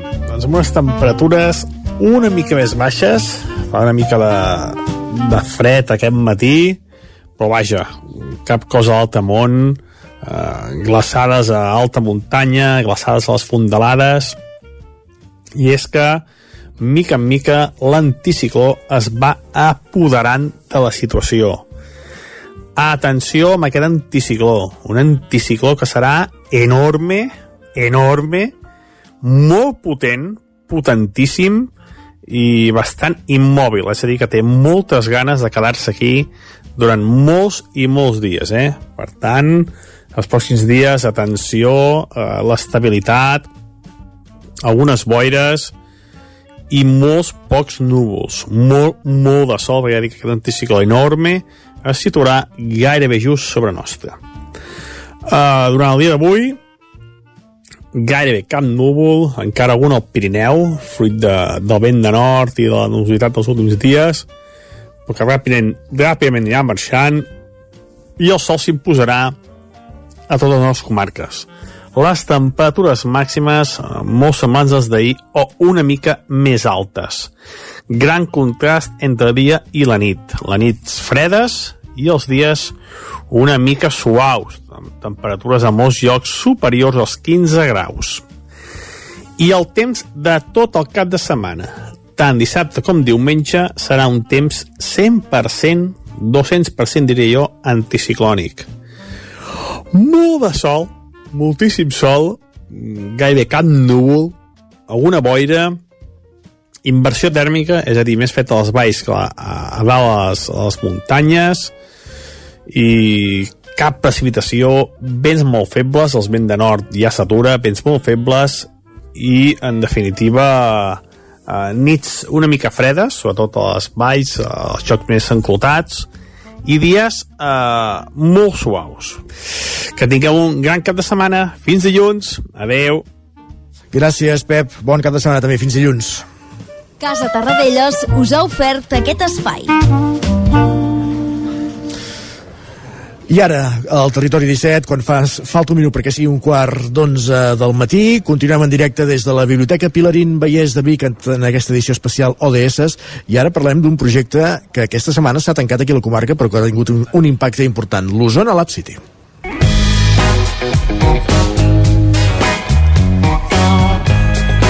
Aquesta setmana s'ha donat per conclòs el desplegament del projecte Osona Lab City ha permès invertir 2 milions d'euros a Vic i Manlleu amb una finalitat comuna, empoderar empreses i ciutadania en eines digitals, amb acció amb centenars d'accions, moltes de les quals adreçades a reduir la bretxa digital, Sergi.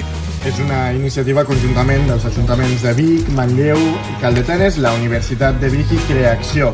I precisament la presidenta de Creacció, alhora que primera tinent d'alcalde i regidora d'Estratègica Econòmica, Desenvolupament Territorial i Cultura de l'Ajuntament de Vic, Bet Piella, ens acompanya avui aquí al Territori 17. Benvinguda, Bet Piella. Hola, bon dia a tothom.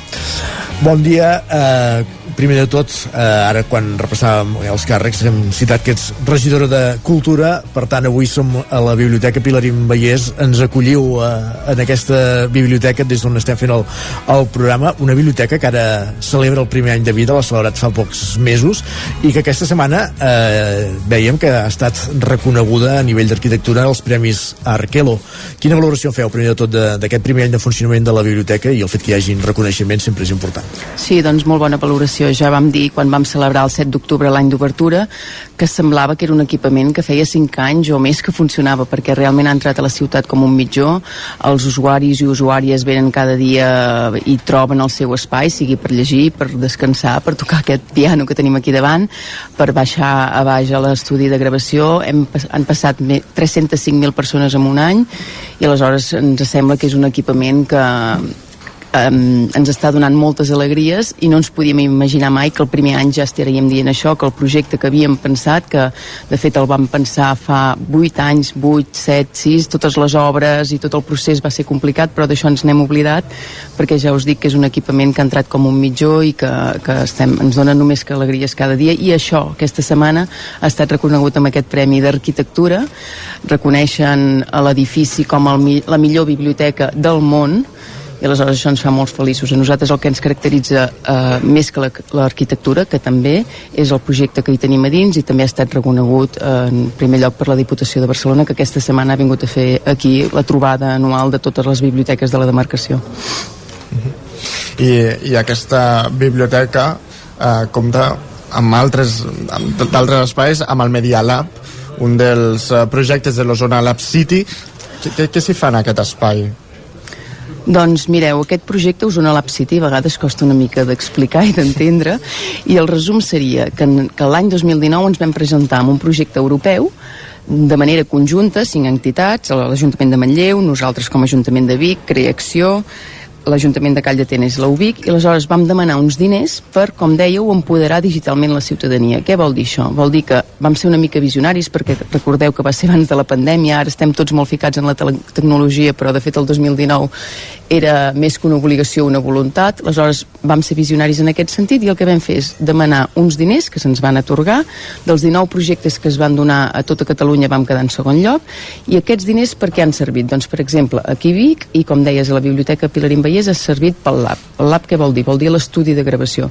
La Biblioteca Pilarín Vallès, l'especificitat que té és que és una biblioteca especialitzada en música Aleshores, tenim un estudi de gravació que és l'únic de, de tota la demarcació de Barcelona amb aquestes característiques. El tenim a disposició de grups emergents, de persones diverses que volen venir a gravar la seva música, de residències, de grups classe, de big bands. Ja té una mida bona i una infraestructura per acollir qualsevol tipus de gravació. Aleshores, això ho vam poder fer gràcies als diners d'aquest projecte europeu.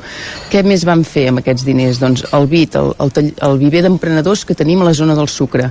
Aquell BIT Madrid i vam fer unes obres i d'aquí pocs dies podrem acollir 12 empreses més del sector tecnològic, i concretament de la biotecnologia, i, i també ha estat gràcies a aquests diners. Què més hem pogut fer? Al Centre Cívic Camp Pau Raba hem fet un, un, un laboratori de fabricació digital.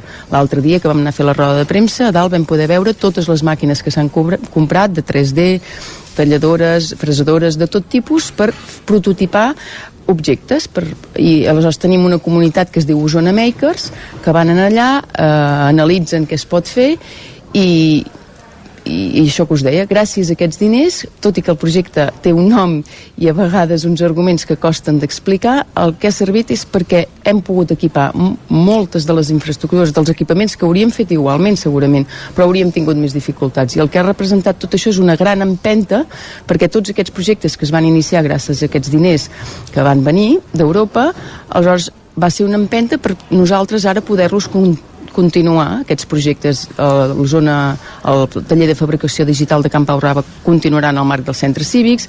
Evidentment l'estudi de gravació aquí a la biblioteca continuarà exercint tota la seva funció. A l'ETC que també vam equipar gràcies a aquests diners continuarem tota la feina des de l'àrea de cultura. El BIT des de creació continuarem acollint aquests emprenedors. I, i així com nosaltres ho hem fet a Vic a Manlleu també ho han fet i a Call d'Atenes en menor mesura també ho intentaran de fer. Igualment, la UBIC ha estat eh, un projecte molt interessant per ells perquè han pogut fer el laboratori d'innovació social i digital i l'han fet aquí a la plaça de la Noguera. Aquest edifici i aquests baixos que tenen de la UBIC també han sigut possibles gràcies a aquest projecte.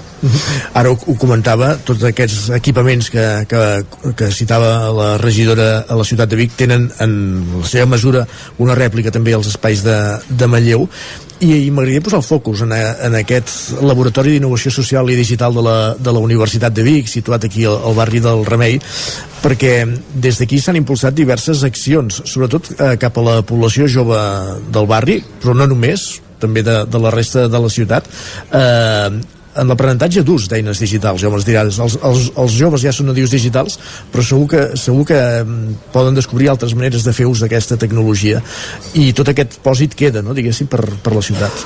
És exactament això. Uh, en aquest laboratori d'innovació social i digital, gràcies als investigadors de la UBIC, van posar-se en contacte amb els joves, en aquest cas del Remei, però també de tota la ciutat, perquè ells sembla que són nadius digitals, és veritat que ho són, però no vol dir que sàpiguen totes les funcionalitats que els pot aportar la tecnologia. Eh? Han de passar de ser de consumidors a ser productors de tecnologia. I aleshores, eh, d'acord amb el pla estratègic del remei, aquesta gent, aquests investigadors de la UBIC, han anat treballant amb aquests joves. Ara, aquest projecte tindrà una reorientació, també es farà des de la UBIC i també d'acord amb el pla estratègic del remei, i anirà més encaminat cap a qüestions de gènere però continuarà igual i, i, i per sort tindran el finançament per poder continuar el projecte que ja us dic que us va iniciar gràcies a l'Osona Lab City. Clar, parlem de la Universitat de Vic una universitat eh, està plena de, de gent jove però eh, tots aquests espais que, que anomenaves ara la gent gran eh, de quina forma se'n pot beneficiar també eh, d'aquests espais? Doncs mira, eh, per exemple l'estudi de gravació d'aquí, de la Biblioteca Pilarín Vallès, ha vingut molta gent gran, des d'un senyor que va gravar un disc de boleros fins a les associacions de veïns que venen i fan ús de, del, de l'estudi de gravació, doncs, per exemple, per gravar l'espot de Nadal d'aquella associació. Eh, molts grups de gent gran de totes les entitats de Vic n'han pogut fer ús de, de manera diversa i, i això que dèiem, la tecnologia no està no està renyida amb la gent gran, al contrari, el que hem fet també aquí a la biblioteca, gràcies a, a l'Osona Lab City, al Vic Lab City, és que hem fet tallers per ajudar a les persones grans a fer aquells tràmits que a vegades per la gent jove són més fàcils però per ells són més difícils. I aleshores hi ha hagut un sistema, un assessorament eh, eh, directe, venien les persones grans aquí, deien exactament quin era el tràmit que necessitaven fer, normalment era un tràmit a través d'ordinador, i teníem uns facilitadors, uns facilitadors digitals que els ajudaven a fer aquests tràmits. Aquest projecte es va iniciar i, evidentment, des de l'àrea de benestar i famílies continuarà. Uh -huh. uh, M'agradaria parlar també una mica a nivell d'empresa, de, perquè la zona del sucre és una habilitat d'aquest districte equip que dèiem, ja hi ha l'espai BIT, aquest espai per a emprenedors, amb zones de, de coworking, que, que s'amplia, però amb una visió també més pensada per donar servei a, a, a totes les empreses de la comarca, no només a emprenedors, i fer d'aquesta illa, del districte equip, doncs una illa per això, per, per el servei de l'empresa. Exactament. Nosaltres pensem que el sucre està en un emplaçament privilegiat. Fixeu-vos que està al costat de la C-17, al costat de la universitat, al costat de la Cambra de Comerç, al recinte firal, el BIT en què deies que tenim totes aquestes empreses eh, allotjades. Aleshores pensem que és una zona en la qual podem treure-li molt profit per convertir-se en un hub d'empreses. Nosaltres farem reformes al recinte firal de manera que l'auditori de baix estarà disponible per les empreses que vulguin fer-hi congressos, que vulguin fer-hi trobades. Al bar també hi farem una gran reforma per donar-hi donar, més accés a la plaça i com deia la reforma del BIT. Eh? Aquest espai BIT, que ara en diem KIPS perquè mm, allotja empreses de, intensives en coneixement, um, s'ampliarà, tindrem 12 places més. 12 places més no vol dir 12 persones més, vol dir 12 empreses més, 12 emprenedors més. Recordem que al BIT hi tenim uh, aproximadament actualment una vintena, trentena d'empreses, però això vol dir uh, cap a 80 persones perquè cada empresa no és unipersonal. I aleshores, fins ara hi teníem empreses del sector de l'àmbit de la tecnologia i el que ens sembla és que hi hem de posar empreses, en aquest cas hem decidit de biotecnologia, perquè aquest districte sucre, aquest districte hub, es vagi eh, reorientant i es vagi veient que el model econòmic de la comarca, sempre expliquem que es basa molt en la indústria agroalimentària i que ens ha donat tot el que tenim fins ara, però aquest model ha d'anar virant una mica. I aleshores hem d'invertir molt en tecnologia en, i en nova emprenedoria perquè aquest model eh, no ens quedi caduc el, el model de tan basat en l'agroalimentària és evident que, que s'ha de reformular i nosaltres ho volem fer des d'aquest districte sucre no només nosaltres des de l'Ajuntament sinó que la Cambra de Comerç darrerament ha fet unes obres d'ampliació i renovació espectaculars per tant tenim un soci a tocar i també evidentment tenim la UBIC i tota, totes les les entitats que en aquella zona doncs, volem treballar per, per fer avançar el territori i transformar-lo. Uh -huh. uh, ràpidament, hi ha la intenció de, de continuar treballant conjuntament, ja que s'ha fet aquesta iniciativa conjunta amb tots aquests agents, ajuntaments de Manlleu, Callatenes, Universitat, Creacció? Sí, clar, tenim la sort que Creacció, aquesta agència d'emprenedoria, innovació i coneixement, ens agrupa tots. Eh? Vic la presideix, però aleshores ara mateix me'n vaig d'aquí una estona, me'n vaig a Manlleu per parlar del Consell d'Administració que tenim dimarts que ve Creacció. Recordeu que els socis són Vic, Manlleu, el Consell Comarcal que agrupa tots els municipis i la UBIC. Aleshores tenim aquesta eina que és de concertació, en què també hi tenim la patronal, que hi tenim el CEDO i tenim els sindicats, UGT i comissions obreres, i aquesta eina és la que ens permet anar treballant conjuntament, tenir aquesta visió de comarca i de territori, com dèiem, aquest objectiu comú, transformar-lo i tirar endavant. Bet Piella, gràcies per acompanyar-nos i per acollir-nos aquí a la Biblioteca Pilarín Vallès en aquest matí de, de ràdio en directe. Gràcies a vosaltres, bon gràcies. Hem parlat amb, amb Bet Piella, regidora de l'Ajuntament de Vic, presidenta també de, de Creacció, i ara, Sergi, el que fem és una petita pausa al territori 17 perquè tenim molts més protagonistes encara aquí per oferir-vos a l'antena des de la Biblioteca Pilarín Vallès de Vic en aquest especial ODS. déu nhi es va animar l'espai, eh? Així és, i encara queda molt mati. Exacte. Gràcies, Sergi, també. Fem una petita pausa i tornem d'aquí 3 minuts. Fins ara.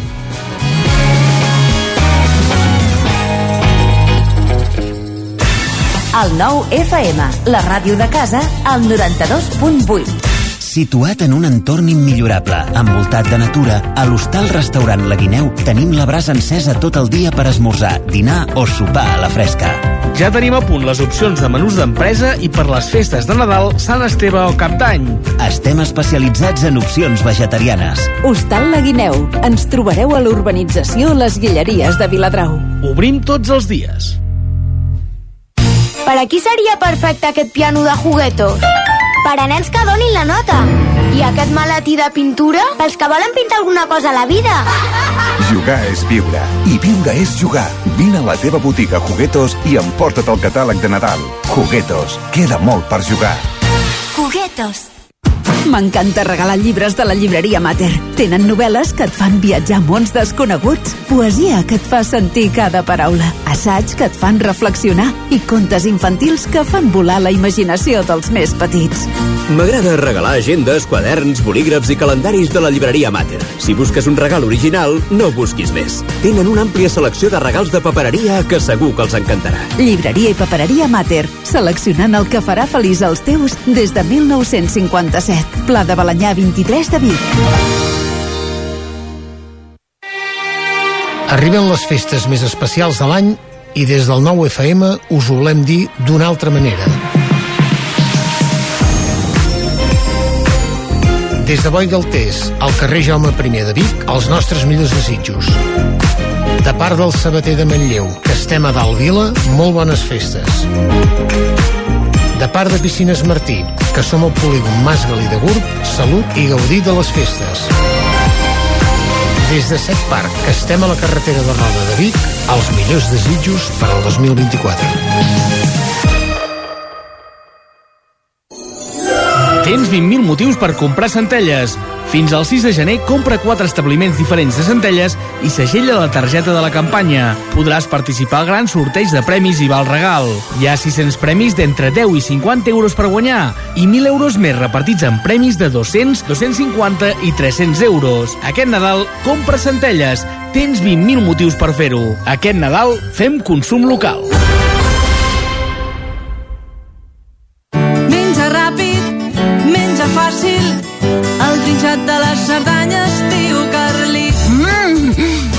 Boníssim! Trinxat Carlit, 100% natural, fet cada dia a Puigcerdà i a punt en un minut. Encara et preguntes com t'ho faràs perquè els nens mengin verdura? El trinxat de les Cerdanyes, tio Carlit.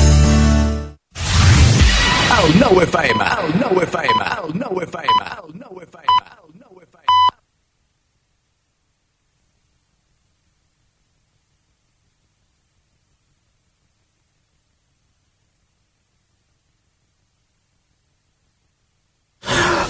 Amb l'enllonat públic, pobles i ciutats tenen una despesa important d'energia i cada cop la tecnologia permet guanyar més en eficiència. De fet, en parlàvem fa uns moments aquí a, a la tertúlia. Uh, en companyia d'Isaac Muntades ens introdueix el següent convidat. Sí, Albert de Ramos és el responsable del Departament Tècnic d'Enllumenat de Benito, una empresa usonenca dedicada a molts dels serveis urbans que necessiten els ajuntaments, des de tapes i reixes de, de claveguera, passant per parcs infantils, mobiliari urbà i, i enllumenat. Bon dia, Albert de Ramos. Gràcies per ser aquí al territori ODS amb nosaltres. Amb, amb l'Albert volem parlar d'això, de maneres d'estalviar de, energia, sobretot de, per ser més eficients. Tots seguim, sovint veiem ajuntaments que anuncien que han canviat les llumaneres cap a sistemes més eficients, precisament. Quina és la tecnologia que s'implanta ara i quins estalvis representa a nivell de, de consum? Hola, actualment eh, la tecnologia que estem implantant en totes les solucions de llumenat públic és la tecnologia LED, és una tecnologia antiga però que ja la darrera dècada ja s'ha anat implantant d'una manera eh, predominant en totes les solucions i instal·lacions de llumenat exterior. I és una tecnologia que, els, que ens permet eh, tres, tres factors importants d'estalvi que és eh, una reducció de quasi el 60% directament del consum de l'antiga bombeta de, de filament o de gas que es feien servir aquelles bombetes de color completament taronja. 60%, eh? Un 60% d'estalvi només pel fet del canvi de tecnològic. I després el que també ens permet és que és una tecnologia que permet orientar molt bé la llum on volem orientar-la. Això ens permet que no malgastem cap, cap element de llum que vagi a il·luminar on no toca. Això també és un extra més que ens permet ajudar a aquest estalvi que ens pot incrementar pues, depèn de quins moments està el 70% d'estalvi de la tecnologia anterior a la nova actual. Mm. És una tecnologia que s'adapta a tot tipus de fanals o heu de dissenyar uns fanals concrets per, per poder-la implantar? Al final hem de pensar que els fanals són un element identitari de la via pública molt important, també de dia a nivell d'imatge, Llavors sí que s'han fet nous dissenys de tecnologia LED, que són aquests fanals més planers, perquè la tecnologia LED ens permet minimitzar una mica més les, el que són les lluminàries o els fanals, però per exemple, i en un cas exemple que és la ciutat de Vic, tot el casc històric eh, hi ha aquesta sensació d'aquests fanals clàssics, que en diem ornamentals, el que fem és adaptar-los als LED però mantenir l'estètica ornamental. Per tant, ens adaptem a tots, sí, tenim línies més modernes, així molt planes i extrafines, però fanals antics que per qüestions d'imatge de cada municipi doncs els podem adaptar per mantenir la història però amb la nova tecnologia LED i garantint els estalvis que pot oferir aquesta tecnologia. La importància moltes vegades no és tant fer llum, que és evident que és important, sinó crear un ambient uniforme, una llum uniforme en, en tot un espai, per entendre'ns. Això sempre nosaltres al final nosaltres valorem la llum, o els ciutadans valoren la llum per la quantitat de llum que li entra a l'ull i el nostre ull no és un aparell de mesura tècnic, sinó que els nostres ulls s'adapten en els espais. Llavors, el nostre ull el que sap molt bé és saber comparar si un espai està encès o està apagat. És un comparador de llum, no, és un valor, no pot medir la llum en valors absoluts. Llavors, si tenim espais foscos i espais il·luminats, els veïns i veïnes que diuen, oh, aquí no hi ha llum. Per tant, l'objectiu de quan es fa un projecte lumínic amb els serveis tècnics municipals doncs és treballar molt bé per aconseguir una uniformitat en tot l'espai per evitar aquestes sensacions de pel·li de terror de que el fanal comença a parpadejar i s'apaga. Doncs perquè la uniformitat ens permet amb nivells més baixos de llum que també ens poden aconseguir més, més espais de- d'estalvi energètic doncs la sensació del ciutadà en el seu ull és, és, és el confort. No? Llavors, busquem estalvi, però també busquem confort visual. Mm. Hem conegut també iniciatives d'il·luminació amb sensors, és a dir, que funcionen de si passa o no algú. Això també, en certa manera, no deixa de ser una manera d'estalviar eh, energèticament, fins i tot. Uh, els fanals donen més o menys potència? Això és una, una, unes, uns projectes que hem implantat de, darrerament doncs perquè la utilització de sensors que estem habituats a utilitzar sensors quan anem al bany o als serveis doncs tots allò que movem la mà i s'activa l'enllumenat en el sector d'enllumenat públic hi havia certes reticències però amb la tecnologia LED que té una capacitat d'en- d'encendre i apagar i regular els nivells de forma molt ràpida ens ha permès aplicar-ho en espais públics no? Això, en determinats espais, eh, carrils bici, zones eh, fora de les zones cèntriques on hi ha molt afluència de, de persones, ens ha permès doncs, aconseguir estalvis superiors, de quasi un 90% reals, però a més a més també aconseguim l'efecte de que la llum acompanya les persones i els millora la sensació de seguretat.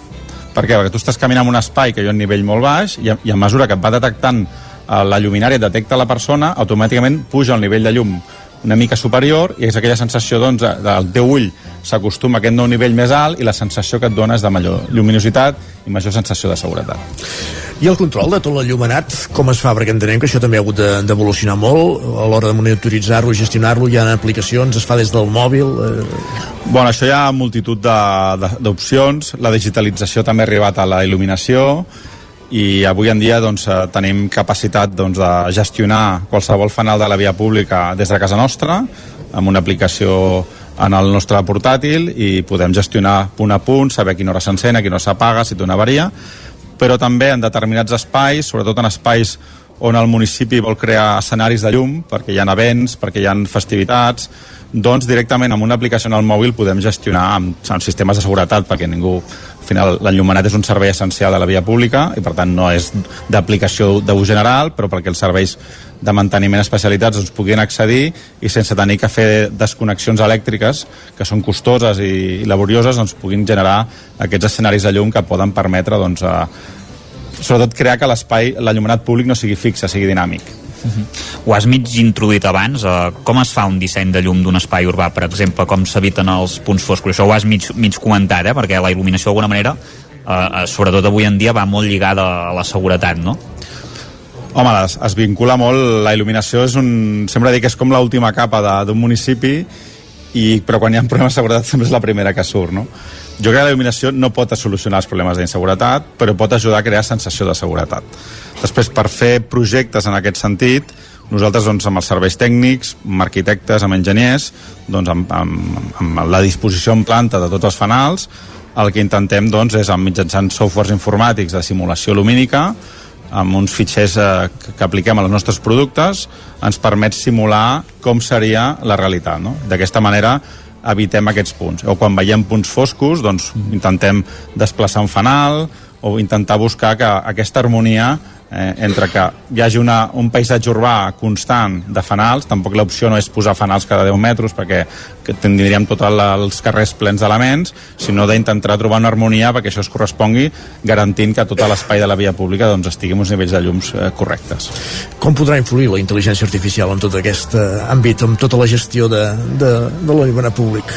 Home, això és una, un espai que cada cop més nosaltres intentem treballar sobretot amb l'analítica de dades de consums eh, perquè ens pot saber doncs, en funció de la detecció de presència eh, aquests sensors de presència que abans hem comentat poden fer comptatges de persones per tant, no estan fent rastrejant quines persones a nivell, no estem violi, violant cap temes de seguretat de les persones, però sí que poden fer comptatges i inclús saber quin trànsit de gent hi ha en aquesta hora punta en aquest lloc d'aquí, un altre un espai d'aquí. Ara estem fent un projecte de il·luminar els passos de vianants que estan propers a zones escolars i amb aquests sensors podrem saber quantes persones estan creuant a aquella hora i per, per vehicular amb, amb altres agents de seguretat de, del municipi doncs, van de valorar doncs, si han de modificar una part de la mobilitat, etc. Jo crec que els fanals és una capa que pot recollir molta informació que la intel·ligència artificial pot fer per donar solucions en, en, en els municipis. Mm -hmm. Ens hem centrat molt en la part urbana, en la il·luminació de, del carrer, dels fanals. També mm -hmm. treballeu, per exemple, en altres aspectes, en aquest cas més a l'engròs, en camps de, de futbol, per exemple. Mm -hmm. uh, aquí la imatge que tenim doncs, és que els camps de futbol doncs, tenen quatre focus normalment molt potents a, a sí. cadascuna de les cantonades. Això, clar, també implica una despesa energètica més grossa o amb la nova tecnologia potser és menys del que ens imaginem. Es pot reduir molt? Els, bueno, els camps de futbol és, primer per la pràctica de l'esport necessitem uh, nivells de llum completament diferents um, als nivells que llum que necessitem a l'espai públic. Per què? Doncs perquè necessitem una visualització correcta de l'espai, dels jugadors, de la pilota, i quan, més, quan la pilota és més petita, més nivell de llum necessitem. Eh? Per jugar a tennis o a pàdel necessitem més llum que un camp de futbol. Doncs l'impacte d'un camp de futbol és un consum que equivaldria a uns 400 fanals, uh -huh. aproximadament. Com que té un impacte molt gran, des de Benito hem desenvolupat doncs, un, un projector d'alta eficiència però un sistema de control que ho gestionem via el mòbil per tenir un nivell d'il·luminació pels partits de cap de setmana que requereixin el màxima potència però durant la setmana que tenim entrenament de totes les categories, doncs un nivell d'entrenament més ajustat per estalviar potència i energia, però sobretot també perquè l'impacte lumínic que genera un camp de futbol és molt important i no és un element que no ens ajuda gaire a preservar el cel. Per tant, poder minimitzar i centrar només els alts nivells d'il·luminació en aquells espais que realment ho requereixen és completament necessari i, i recomanable. Ja, per, per acabar, eh, abans hem fet una tertúlia que parlàvem d'energia, de, d'estalvi energètic. No sé si ens podem imaginar en el futur que els fanals siguin autodependents d'ells mateixos de consum amb una placa solar i que ja funcionin sols, o això és ciència-ficció, és innecessari? No, sé, no, no, les, les solucions uh, solars o fanals solars són totalment presents en el dia Sí que és veritat que en els centres urbans no es visualitzen tant, donat que els fanals moltes vegades es troben sota els arbres, eh, generen ombres per als edificis, etc etc. però sí que el que són rotondes exteriors, eh, zones ex més, més, més que no tenen cap impediment de que el sol pugui arribar al fanal, doncs són totalment factibles i funcionals. Però avui en dia és trobar un híbrid. Eh? De, hi ha municipis que amb aquests sistemes de sensors hem arribat al 90% i amb generació fotovoltaica que tingui el municipi pot arribar a cobrir la despesa. Per tant, el balanç zero en el llumenat públic o en via solar o en via LED és totalment factible a dia d'avui. Albert Ramos, responsable del Departament Tècnic de Llumenat de, de Benito. Gràcies per ser avui també aquí a la Biblioteca Pilarín Vallès compartint aquest espai de ràdio en directe i fins la propera. Moltíssimes gràcies a vosaltres. Nosaltres, bon dia. Bon dia. Nosaltres bon dia. el que fem tot seguit és posar-hi música a tot plegat.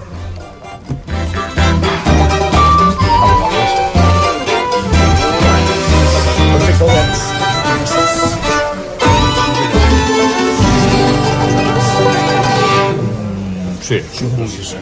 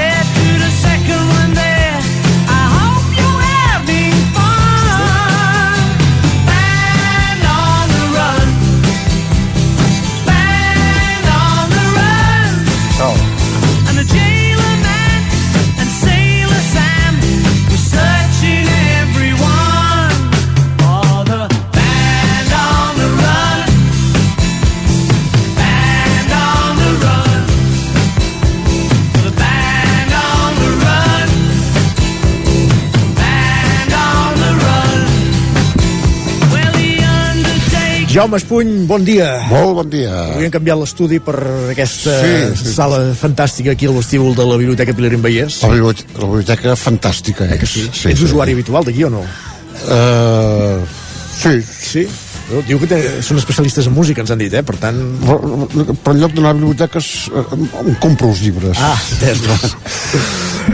Va, no parlem de llibres, parlem de música. música què, què estem escoltant ja? Eh, estem escoltant el disc Venom The Run d'en Paul McCartney i els Wings. El passat 5 de desembre va fer exactament 50 anys fa 15 di 10 dies, fa 50 anys que va sortir aquest disc, eh, mig segle ja. Eh, era el cinquè disc de Paul McCartney, o sigui, feia 3 anys que s'havia separat dels Beatles i, i el tercer, del, amb aquest grup dels Wings, que va ser el seu grup de, dels anys 70 fins que l'any 81 es, eh, ja va, van desaparèixer. Eh, per la majoria de gent és el millor disc el Van on the Run, the Run és el millor disc de Paul McCartney. Per mi és el segon, primer és Ram de l'any 71 però bueno, aquest està molt bé. I està molt ben uns arranjaments molt bons i, fa, i sona una mica eh, l'Abbey Road el penúltim disc dels Beatles estem escoltant la cançó One on the Run i ara escoltarem el que va tenir èxit el single que és Jet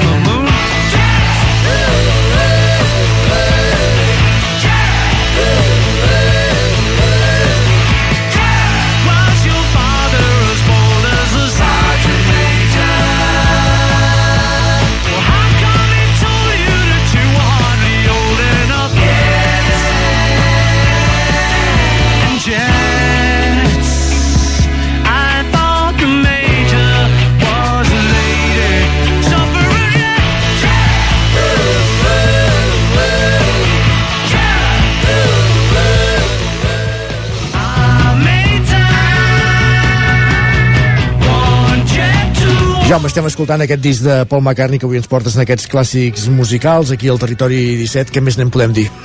Mm, ara una, la, la part fúnebre, que és una casualitat casualitat, el 5 de desembre del 1973, fa 50 anys, ja he dit abans, va sortir aquest disc.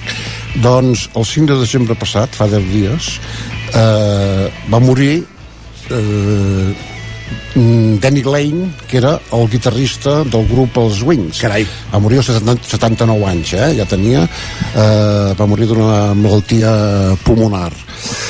De fet, de fet el disc dels els Wings no, eh, són tres només. Només és el Paul McCartney, la, la seva dona, la Linda McCartney, i el... el oh, no sé mai el nom, el Danny Lane. Els altres dos membres van plegar tres dies abans van, van, separ- van plegar del grup per tant es van, van quedar només tres què va haver de fer el Paul McCartney? doncs tocar set o vuit instruments la bateria, exactament per això era tan bo el Paul McCartney eh? Eh, eh, totes les cançons a més a més estan compostes això no m'ho crec gaire però posa allà Paul McCartney Linda McCartney. Ah. eh, Linda McCartney tocava el, el piano, orga i, i cantava. No sé fins quin punt ajudava a les composicions S'inspirava o donava idees, eh? sí, Mai se sap. exactament. Ara podem escoltar una cançó que també ah, típica del Paul McCartney. Mistress Vanderbilt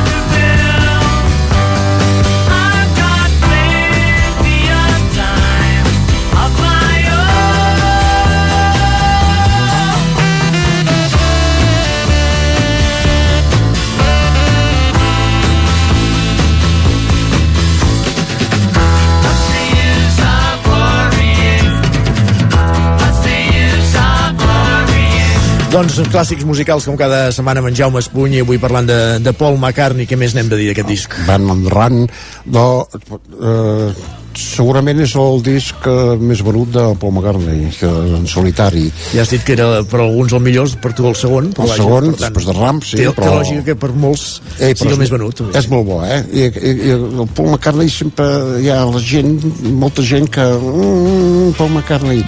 Eh, Millor era millor en John Lennon. Paul McCartney és un gran...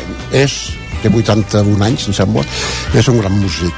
També és, és famosa la portada del, del disc, Baron Duran, perquè es veuen els tres wings amb, i sis persones més, tots vestits de, de presoners, que estan intentant fugir mentre un, però hi ha un foc un, foc que, un focus que, que, els, que els descobreix, no, diríem i eh, eh, aquestes sis persones són, eren famos, són famosos de, sobretot a Anglaterra hi ha un boxejador, un gastrònom un humorista i dos actors que, famosos, Christopher Lee que llavors era feia sempre les pel·lícules de Dràcula i James Coburn.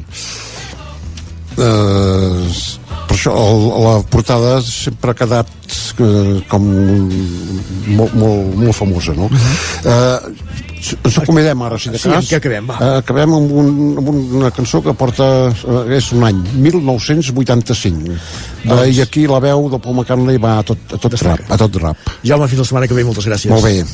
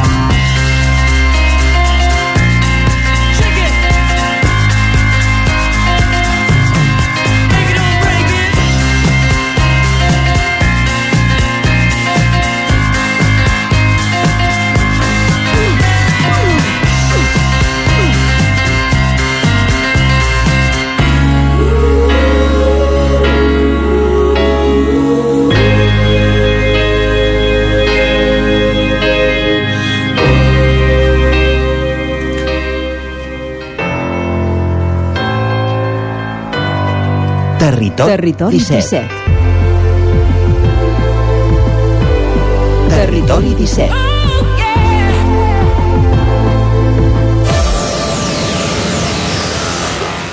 Vuit minuts perquè siguin les 11 del matí. Avancem en aquest territori ODS, en aquest especial des de la Biblioteca Pilarín Vallès de Vic, i ara amb molts protagonistes i molt joves, ja ho veureu.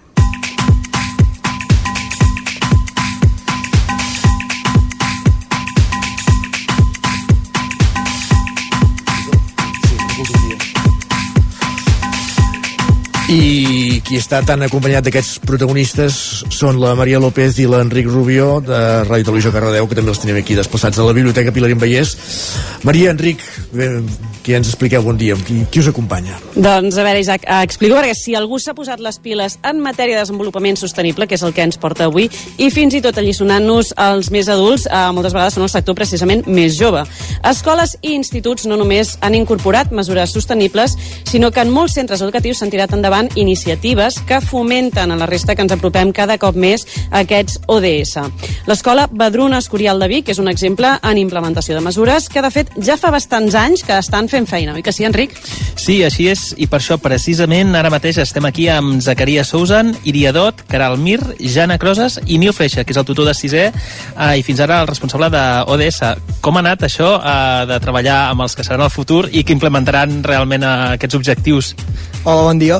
Primer de tot, dir-vos que des de l'escola formem part de les 38 escoles Badruna i el projecte ODS és un projecte que ens acompanya ja des de fa quatre cursos. Vam començar-lo el 2019, sí, i cada escola Badruna té el seu responsable ODS i, per tant, des de els diferents punts de la geografia catalana té el seu responsable ODS i després hi ha els tres responsables a nivell de la fundació doncs, que són una mica els que ens han anat marcant tot aquest camí. No? Uh, lògicament, cada escola té les seves uh, experiències fins al moment i, i té també doncs, les seves característiques pròpies, sigui pel fet de que es troben en un lloc o en un altre, no? i per la tipologia de l'alumnat, per si és una escola més gran, una escola més petita, però en el nostre cas ho hem anat enfocant doncs, des, de, des del 2019, com deia, i... Sí, ja veu venir de feia temps, eh? Sí, no ara no, perquè... no és recent perquè hagi sortit en el currículum, sinó que ja portem uns, uns 4 anys treballant i sí que vam tenir la pandèmia pel mig, però, però hem anat treballant en aquesta línia i, i ho hem anat fent des de cada curs, però també hi ha hagut propostes, projectes que hem elaborat des de l'escola que ens han involucrat a tots els alumnes no? i que no només ha set en un curs concret. Com ha estat aquesta rebuda des de part de l'alumnat? No? Com, com, han, com ho han vist? Com han treballat? De part de l'alumnat ha estat molt positiva i a més hem intentat que no fos només treballar l'ODS de manera teòrica i que es queda a l'aula i no va més enllà, sinó que hem intentat involucrar-hi molt les famílies i, per exemple, famílies han vingut a fer tallers sobre problemàtiques i reptes del, del que ens marca l'agenda 2030 i han vingut a fer-ho a l'escola. I després també hem intentat d'involucrar molt el barri. Per exemple a l'escola tenim un mural a fora on, on trobem cadascun dels ODS treballats amb diferents activitats de cada curs des de P3 fins a segon de batxillerat amb un codi QR on des de la població eh, amb, amb un dispositiu mòbil o amb qualsevol tipus de dispositiu electrònic poden consultar-ho. És una de les, per exemple, propostes que hem fet. No? I el que hem intentat és que l'alumnat vagi un pas més enllà i s'impliqui i per això hem treballat amb diferents organitzacions, ells us explicaran, amb Osona contra el càncer, amb Sumem um, amb Osona amb Ucraïna, amb una campanya que vam fer de Sumem per Ucraïna, quan hi va haver tot el tema de la guerra que, que, que hi era i que de fet encara hi és. I tant, estem de fet veient aquí, uh, comencem, tenim aquí davant en Zacaries, uh, com ha anat això? Què tenim aquí al davant? Tenim aquí al davant tots els processos que hem anat fent al llarg del curs. Perquè heu fet una, una cooperativa, no? Sí. Em, em sembla, m'han dit, això és molt més enllà que treballar només de forma bàsica als ODS, ho heu, ho heu treballat molt a fons. Sí, bueno, eh, primer vam fer el primer pas que vam, va ser, va ser repartir-nos en, en qui vol ser cada cosa. Jo vaig, per exemple, jo i l'Íria vam ser de comunicació i la, la, i la Caral va ser de publicitat però la Jana no ho sé perquè és del, de l'altra classe. Ara li preguntarem.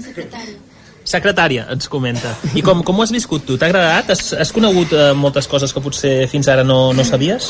Sí, he conegut diverses coses i m'agradaria tornar-ho a, a fer, però no crec que tingui un altre, co un altre cop l'oportunitat de fer-ho, perquè ja m'ha passat el curs. Bueno, però això que has après estic, estic convençut que ho podràs aplicar a molts llocs de, de la teva vida d'ara per endavant. Anem a veure a l'Íria. Íria, com ha anat aquesta experiència? Què, què has fet tu?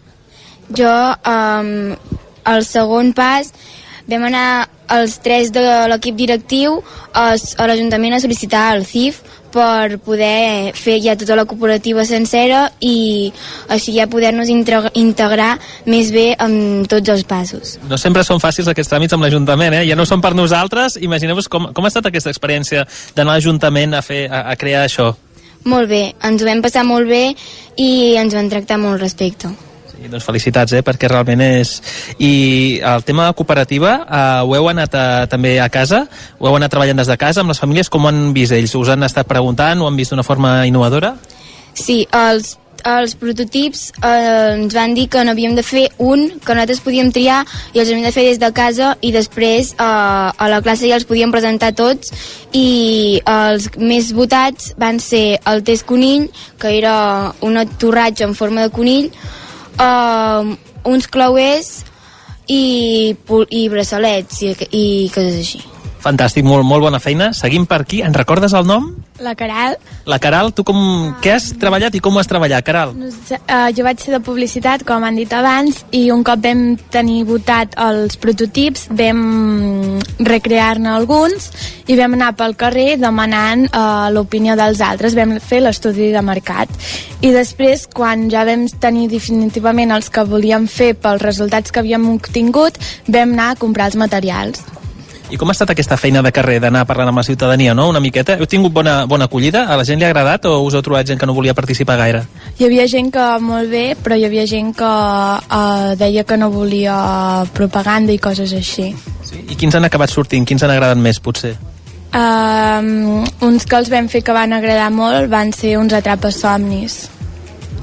I han tingut bona, bona acollida. Molt bé. I per aquí, em recordeu el nom? Que jo amb això sóc eh, molt... La Jana, perfecte.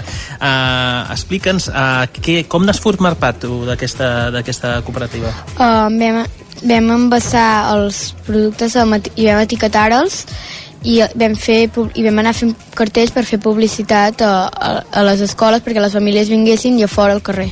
I poder fer participar tothom no? una miqueta d'aquesta forma. Uh, T'has quedat amb ganes? Voldries uh, fer-ne més? Sí. Veient que realment uh, ha, agradat, ha agradat molt uh, i aquesta implicació ha estat molt més que un treball. Uh, anem per aquí una altra vegada amb el tutor. No, i, i ho han explicat molt bé i a més són els protagonistes que ho, han, ho van viure tot el curs passat perquè és un projecte de cinquè i ara per exemple n'estan fent un a sisè que hem fet tota una activitat de blogging i, i tota una activitat de crear uh, horts uh, urbans però per exemple en el projecte de cooperativa que explicaven tot acaba que a final de curs van anar al mercat un dimarts a plaça i, i van vendre els seus productes i per tant era com cercar el, eh, tancar el cercle no? que havien obert creant la cooperativa doncs la tancaven i una part, i això ho explicareu més bé vosaltres per exemple, Zacaria, del capital que veu guanyar què en veu fer? El 10% el vam donar a Osona contra el càncer. Molt important, importantíssim, i veiem que precisament projectes així és amb el que ens empapem i ens queda durant anys tota la informació, no? Sempre diem que aprenem experimentant i quina millor manera d'experimentar que, que dur a terme una cooperativa no? des, de, des de escoles i instituts. Moltíssimes gràcies a tots per estar aquí i res, des d'aquí us animem a, a seguir amb aquests projectes i a seguir treballant per als objectius de desenvolupament sostenible. Isaac, volies fer algun últim apunt? No, no, eh, felicitar-los per aquesta feina que han fet. Enhorabona. Gràcies. Gràcies també, Enric, per acompanyar-nos A vosaltres. eh, en aquesta estoneta amb aquests alumnes de l'Escola Madrona Escorial de Vic que ens han vingut a presentar la feina que han fet en el marc dels ODS, dels Objectius de Desenvolupament Sostenible. Ara mateix passa ja un minut clavat de les 11 del matí, temps pels esports, aquí al Territori 17.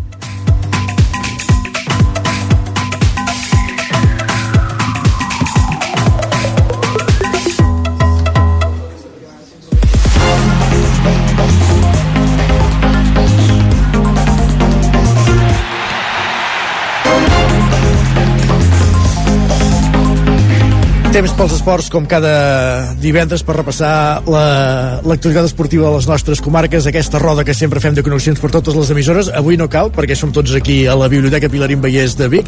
Tranquil, Enric, no cal que corris. Va, avui farem diferent i començarem per en Guillem, que, que ja el tenim també aquí assegut. Guillem Sánchez, del 9FM, comencem per tu, repàs esportiu de l'activitat de la comarca d'Osona aquest cap de setmana. Va. Va, et deixo triar, Isaac, com sempre, futbol o hoquei? Per què vols Bàsquet. començar avui? En bàsquet, doncs va. Vinga, va. No, no, no, també tenim partit de, de Lliga EVA del Club Bàsquet Vic Universitat de, de Vic, a més amb un horari que és una mica diferent del que és habitual. Normalment juguen els dissabtes a dos quarts de nou a casa. Aquest cap de setmana ho faran dissabte a partir d'un quart de set contra el Granollers, bàsicament perquè després hi ha la presentació de- d'equips, per tant també tothom eh, animem a anar a veure el partit d'aquesta presentació de- d'equips. A l'àmbit futbolístic sí que hem d'explicar que hi ha pocs partits dels equips usonencs de categories superiors a, com, a, com a locals. Eh, de fet, el Tona, el grup 5 de la tercera federació, juga a fora demà dissabte a les 5 al camp del Prat intentant tornar al camí de la victòria després de la derrota l'altre dia, l'última jornada contra el líder, l'Olot a, a casa. Eh, qui també juga fora és a la Unió Esportiva Vic, el dissabte a les 4 de la tarda al camp del Viladecans, amb un triomf també els de Ramon Carrascal es podrien acostar encara més a les places de, de les primeres posicions d'aquest eh, grup de la Lliga Elite. I qui també té partit és el Manlleu també a fora contra el Begú el diumenge a les 5 de la, de la tarda també amb un triomf asseguraria acabar aquest 2023 com a, com a líder com a mínim el grup 1 de la primera catalana. Explicar que el Vicriu primer femení de la tercera federació no té partit aquest cap de setmana, ja va jugar el, el darrer d'aquest 2023 el cap de setmana passat. En l'àmbit de l'hoquei patins hem de destacar que aquest dissabte a les 8 de la vespre a l'Oliveres de la Riba el Club Patí Voltregà juga el partit d'anada dels setzents de final de la, de la Europe Cup contra el Noisy Legrand, serà com dèiem a les 8 del vespre, que és el mateix horari en què també juga el Martinelli Club Patí Manlleu masculí a casa, partit del grup nord de l'Hockey Lliga Plata contra el Tordera. També tindrem partit del Pativic a casa contra l'Olot B el diumenge a les 4 de la tarda i en el cas del grup sud, el Club Petit Taradell és l'únic que té duel a domicili a la pista de l'Arenys de Munt el diumenge a partir d'un quart de una del migdia. En el cas de la Lliga de l'Hockey Lliga Femenina d'Hockey Patins es recupera la competició després de la disputa de l'Europeu les últimes setmanes a, Olot i ho fa amb dos partits d'equips usonencs. El dissabte a les 5 de la tarda el Martinelli a Manlleu juga contra l'Igualada, mentre que el Voltregà s'enfronta a l'Alcobendes el dissabte a partir de dos quarts de cinc i un parell de punts molt ràpids de tenis taula el Girbau Vic Tenis Taula juga contra el Figueres el demà dissabte a dos quarts d'onze del matí la Superdivisió Femenina i hem de dir que també el diumenge a partir de dos quarts d'onze del matí tenim la setena edició de les 3 hores de resistència d'enduro de la Laia Sanz a, a Ceba, per tant tothom convidat a viure aquesta matinal de motor al cap de setmana. No t'avorriràs pas, eh? No, no ens podem avorrir, s'ha de dir. Gràcies, Guillem. Continuem aquest recorregut. Va, Enric Arcí, Enric Rubio des de Ràdio Televisió Cardedeu. Quina és l'activitat esportiva aquest, aquest cap de setmana al vostre entorn? déu nhi doncs no ens heu deixat res gaire bé, teniu cosa, eh, des d'aquí. A veure, Isaac, espero de totes, totes que Vic ens porti sort, eh? Sempre, a ja ho eh, saps. Sí, és que t'ho he posat fàcil, venim de zero victòries la jornada passada, així que m'agrada aplanar-vos el camí. Així que siguis tu o sigui la Pilarín Vallès, que és la que dona nom a aquesta fantàstica biblioteca, esperem que ens sort. Va, comencem amb el futbol Cardedeu, que el primer equip jugarà a casa el diumenge a un quart d'una del migdia contra l'escola Futbol Mataró, mentre que l'equip filial ho farà al camp del Castell Tarsol, dissabte a dos quarts de set de la vesprada. Si ens fixem ara amb el Granollers, aquesta jornada li toca partit contra l'Horta, al camp d'aquests, i el partit caurà en diumenge a les 5 de la tarda. I quedant-nos a la mateixa ciutat, però canviant d'esport, us direm que els del bàsquet granollerí jugaran a Vic. Companys, sí, sí, tenim trobada al T17, i el partit serà aquest dissabte a quarts de set. Ja veurem com va, a veure qui paga ronda després. A veure. En l'handbol de, en l'handbol el CAC 7 té partit, però alerta no caurà en cap de setmana, sinó que serà dimarts a dos quarts de nou contra el Conservas Orbe Rubensa Bema Porriño. Sí, sí, jo en aquests casos mai sabré qui és el patrocinador, qui és el nom de l'equip o si són quatre patrocinadors junts. Jo diria que és patrocinador, això. Sí, eh? ne- necessito que algú m'ho expliqui perquè anava a posar el nom sol, però aquí no m'he aclarat. I alerta que ja ho sabeu, el que us diré és que arriben les de l'Embol Cardedeu, encara que estiguem a Osona. Embol Cardedeu, que juga diumenge contra l'Amposta. I ho farà a casa aquest diumenge a dos quarts de sis, sabent que guanyaran. Així que res, eh, sort i encert, eh, amb una de les dues només ja ens conformem nosaltres. Perfecte, gràcies Enric. Continuem parlant d'aquí una estona. Roger Rams, Ona Cotinenca, que per on van els trets aquest cap de setmana? Què tal? Bon dia. Doncs eh, força, força duel també de territori 17, amb enfrontaments entre ballesans, moianesos i usonencs, una mica de- d'amics, i posem eh, ordre tot plegat. Ja. Comencem, com sempre, pel futbol. A la primera divisió catalana, el Calde rep aquest diumenge la visita del Blanes en la, en la tretzena jornada de Lliga. Ho fa com a tercer classificat i després de quatre jornades sense perdre.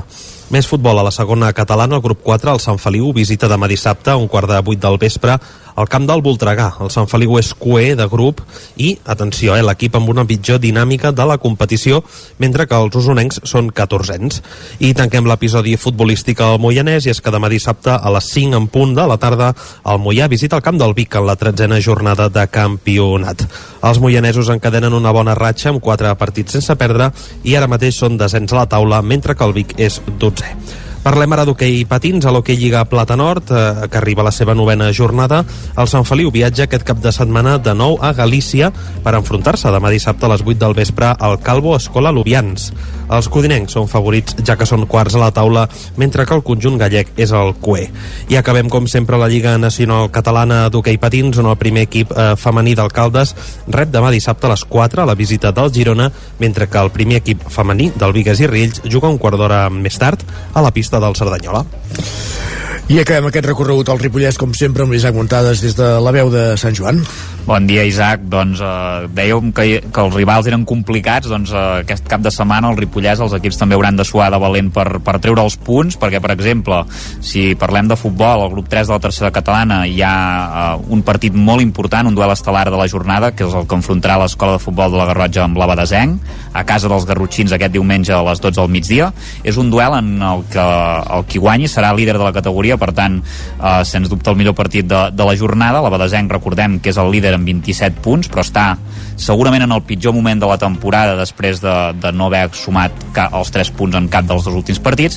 I per la seva banda l'Escola de Futbol de la Garrotxa porta 25 punts 5 victòries consecutives, per tant està en plena forma, és un partit que es preveu igualat i, i veurem qui, qui acaba sortint victoriós i líder de- d'aquesta jornada per la seva banda, el Camprodon és sisè amb 20 punts, rebrà aquest dissabte a les 4 de la tarda a les Preses, en un partit important pels locals per mirar d'enganxar-se al tren de l'ascens. Últimament hem de dir que els camprodonins estan sumant més a fora de casa que no pas de, de locals, eh, com hauria de ser habitualment, i, i bé, el seu rival en aquest cas està empatat a, a punts, també en té 20, és força irregular, tot i que ve de guanyar la, la Badesenc en la darrera jornada, per tant, eh, també es preveu un partit força igualat. I qui està en forma és el Camp de Bànol, que vol continuar la seva bona ratxa, ara porta 5 victòries consecutives, rebrà el Cornellà de Terri aquest dissabte a les 4 de la tarda, són setens amb 20 punts, el Cornellà de Terri està en zona de descens, eh, és un equip que no guanya des de la primera jornada, per tant, en principi, el Camp de Bànol té un rival assequible per sumar els 3 punts sense problemes i aconseguir una nova victòria. Abans parlàveu de derbis del territori 17, precisament també tenim un derbi del territori 17, no és molt habitual, però la Lliga Nacional Catalana d'Hockey Patins, l'Hockey Club Ripoll, visitarà la pista d'Alcaldes B, en aquest cas. Sort que no visitem la de l'A, perquè si visitéssim la de l'A suposo que el Ripoll no hi tindria res a fer. Uh, el Tot Cal- arribarà, tot arribarà. Tot arribarà, eh? estem a segona B. Per tant, dues temporades i Dues hi sereu. temporades i estarem a l'Hockey Lliga. Um, el Caldes és el quart classificat amb 23 punts, el Ripoll és 6 amb 22, estan tau-tau, per tant es tracta d'un rival directe per continuar lluitant per l'ascens. I acabem en futbol sala, perquè l'escola de, de futbol Ripoll Servicat, a la primera nacional catalana, jugarà aquest dissabte a la pista de l'Argentona, que és el vigent campió a les 8 del vespre, per tant un partit molt difícil, segon amb 13 punts es manté invicta l'Argentona mentre que el Ripoll és vuitè amb 6 punts però té dos partits menys que el seu rival que ha d'anar recuperant Perfectíssim, Isaac. Molta sort a tothom en tots aquests compromisos que hem repassat en aquest repàs esportiu, com cada divendres aquí al Territori 17, avui en aquesta edició especial des de la Biblioteca Pilarín Vallès de Vic. Eh, Isaac, Roger, no marxeu gaire lluny, que ara us toca parlar d'aigua regenerada eh, i us hem portat un especialista en el tema perquè, perquè us hi posi llum tot plegat, va. Doncs vinga, va. posarem llum a la foscor Va, som-hi. Pausa, eh, no, pausa no. De fet, eh, 3 segons i, i parlem d'aigua regenerada aquí en aquesta edició especial del Territori Odessa.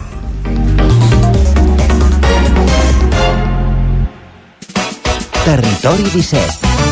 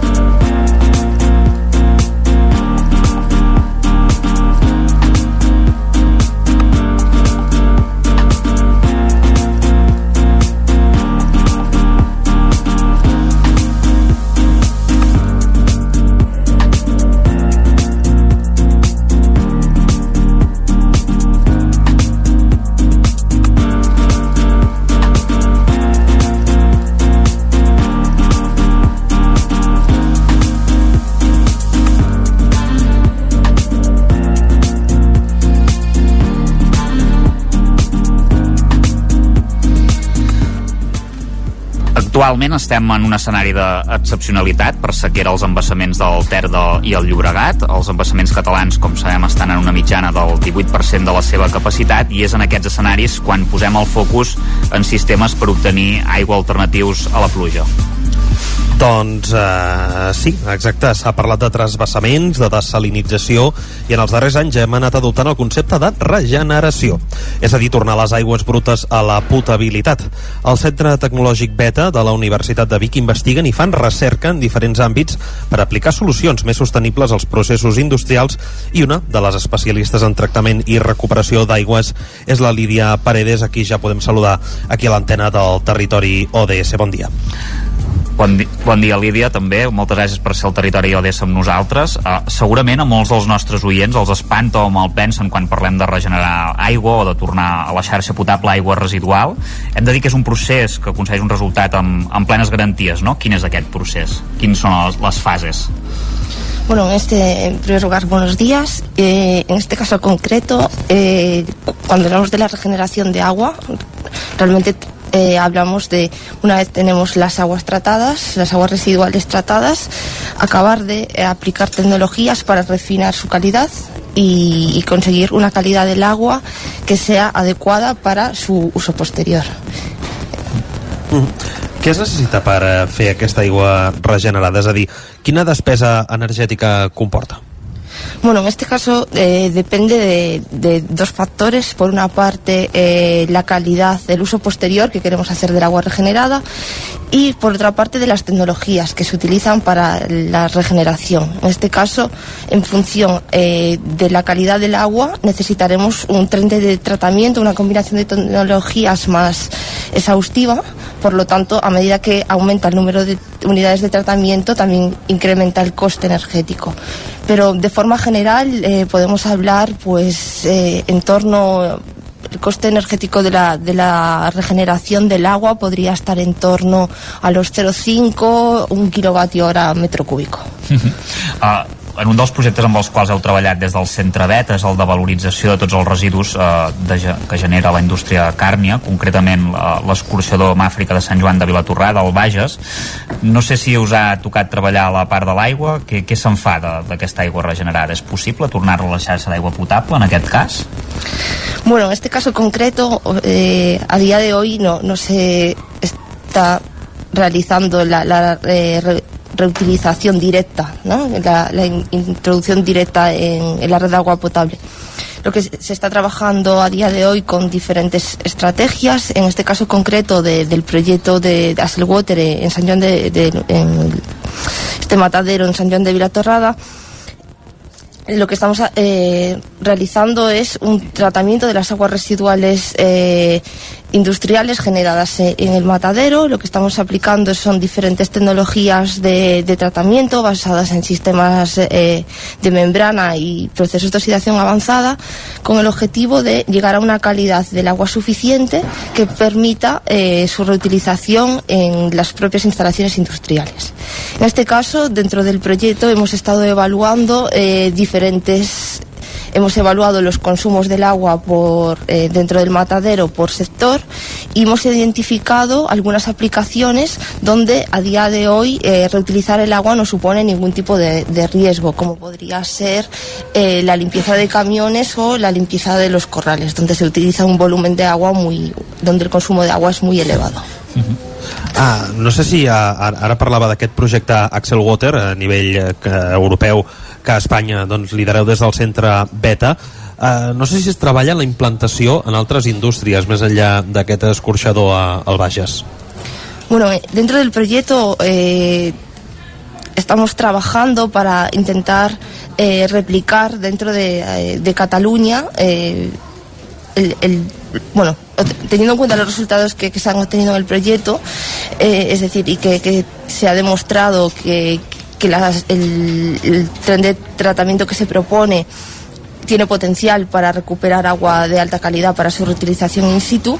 En este caso, eh, estamos trabajando en identificar dentro de Cataluña otros mataderos que podrían estar interesados en eh, eh, replicar la solución tecnológica. Dentro del proyecto, además, en el caso de Cataluña estamos centrados en, el tratamiento de la valorización de, de aguas residuales y residuos generados en la industria cárnica, pero dentro del proyecto también se valoran eh, otras industrias del sector agroalimentario. En el caso de, de Islandia se está tratando, eh, se están valorizando aguas residuales y residuos generados en la industria de transformación del pescado, en Italia de transformación del tomate y en Grecia de transformación de la industria láctea y de la industria cervecera.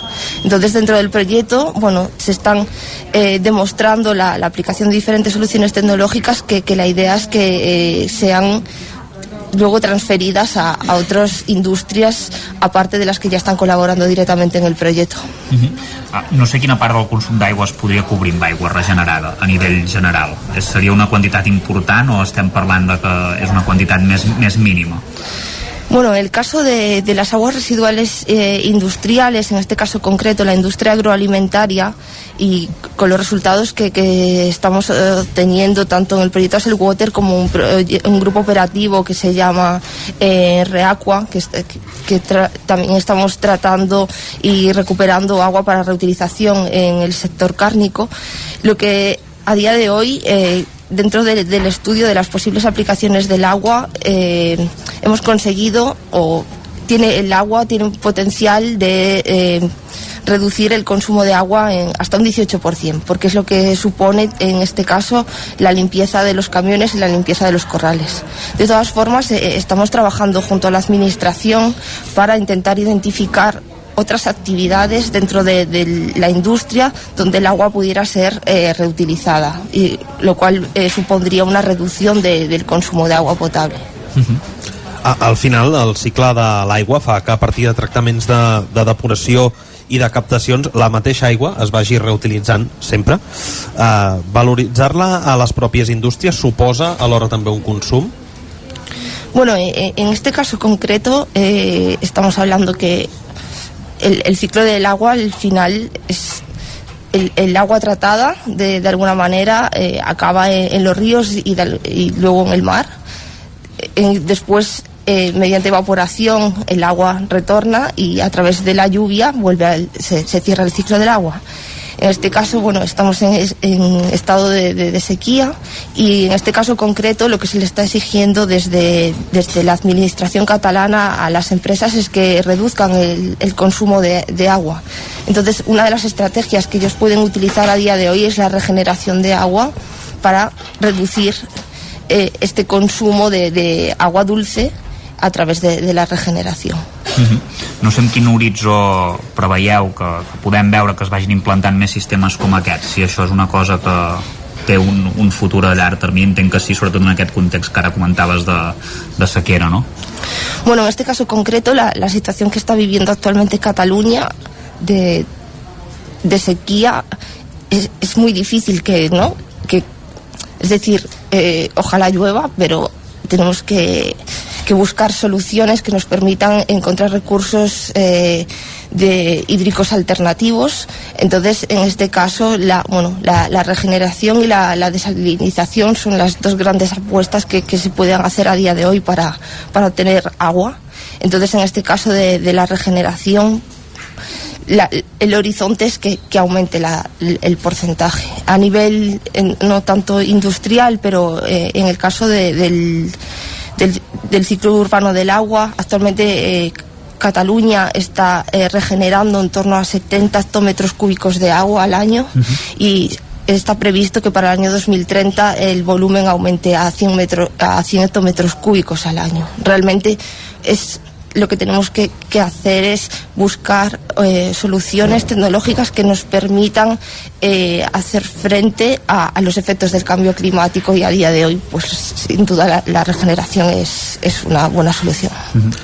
És molt això que comentaves d'aquests 70 hectòmetres cúbics o hauria d'estar molt més per sobre? No sé si ho, ho teniu en comparació amb altres països o... Bueno, realmente eh, en este caso en España es el, el segundo país en Europa de, con mayor regeneración de, y reutilización del agua. Realmente con respecto al consumo el valor todavía, el porcentaje es bajo, pero realmente está, bueno, se está trabajando de, de forma eficiente para, para poder incrementarlo. Fora de, de la indústria, eh, els usos que té aquesta aigua regenerada, que ara, doncs, amb la sequera, molts pobles, moltes ciutats, doncs s'hi estan eh, posant, una mica quins serien els usos que pot tenir aquesta aigua regenerada? Bueno, pues hay, hay diferentes eh, hay diferentes opciones desde usos urbanos, usos agrícolas, industriales, ambientales. Este caso concreto es súper importante. Eh, al final la agricultura es uno de los sectores que tiene un mayor eh, consumo de agua a, nivel eh, europeo y por lo tanto esta regeneración y reutilización del agua en agricultura sería un gran avance para poder reducir el consumo de agua. Hi ha alguna qüestió més que, que vulgueu aprofundir? No, so, sobretot la sensació aquesta que, que, que ara hem, hem de córrer no? per, la, per la situació de, de sequera eh, evidentment els projectes es fan, es fan quan es fan eh, quan, eh, en quin moment podem plantejar que això pugui ser una solució realment, diguéssim, per, per episodis com el que estem patint ara a Catalunya de, de, de sequera, diguéssim? Eh, perquè estem par parlant de projectes pilot, diguéssim, però i que es puguin anar implantant mica en mica amb, amb quin horitzó podem veure projectes com aquests funcionant, diguéssim?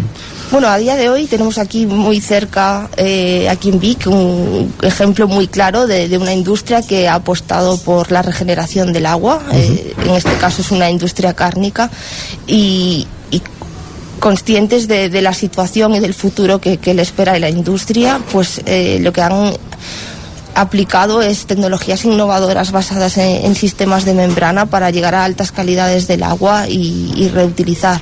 Realmente a día de, eh, a día de hoy es bueno la- las empresas están las industrias están concienciadas y, realmente creemos que, que tienen un horizonte bastante bastante a corto plazo. perquè si d'alguna banda hem de reduir el consum d'aigua potable està clar que és a, és a la indústria que és el, el principal consumidor per tant, eh, si elles estan conscienciades i comencen a haver-hi projectes d'aquests eh, és una mica d'anar veient la llum no? al final del túnel, diguéssim, no? aquesta és la sensació Nosotros de- desde el Centro Tecnológico Beta trabajamos eh, directamente co- con, las empresas del sector y, los proyectos siempre son proyectos de, transferencia, ¿no? donde no solo hacemos investigación, sino que todos los, resultados que se obtienen se están transfiriendo a la a las empresas y al mismo tiempo trabajamos con, la administración para poder in- intentar solventar aquellas barreras eh, legales o administrativas que algunas veces encuentran la- las empresas. Trabajamos de forma conjunta y, y creo que, que estamos en, en el buen camino. I a, i a nivell de- d'efectes econòmics, que sempre és el que pot privar una, una empresa de, de dur a terme una iniciativa d'aquestes, són relativament assequibles les inversions, per entendre'ns? Bueno, re- realmente, es decir, ha- hay dos opciones. Eh, empresas que, que ya tienen un sistema, por ejemplo, en el caso de, hablamos del caso de, las industrias, empresas que, que ya tienen un sistema de tratamiento de las aguas industriales, a día de hoy realizan un primer tratamiento y luego vierten a colector.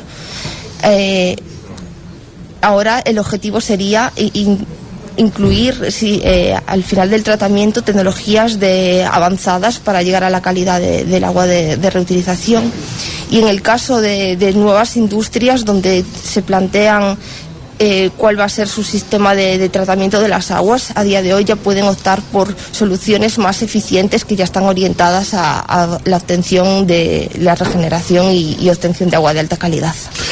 Lídia Paredes, moltíssimes gràcies. Ella és una de les especialistes del Centre Tecnològic Beta en tractament i recuperació d'aigües i ens ha acompanyat en aquesta estona aquí al territori d'ESA parlant d'aigua regenerada, de recuperació d'aigües i, i de la feina que s'està fent, diguéssim, perquè es vagi implantant a, a la indústria. Moltes gràcies. Gracias.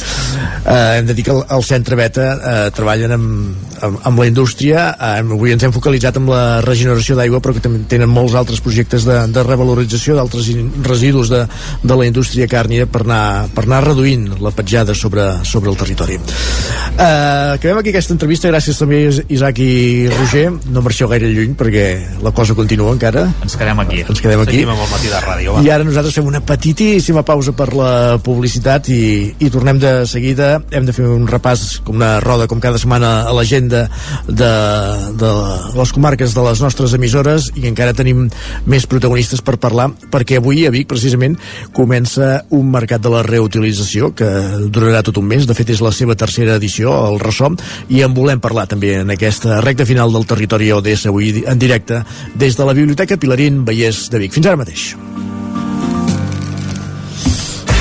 El nou FM, la ràdio de casa, al 92.8. Ser a prop vol dir veure les coses més bé. Apropa't al que t'interessa amb la xarxa Més. La teva plataforma audiovisual de qualitat, proximitat i gratuïta. Gaudeix dels continguts de més de 30 televisions locals i podcast quan, com i on tu vulguis. Entra a la xarxa més.cat i descarrega't l'app.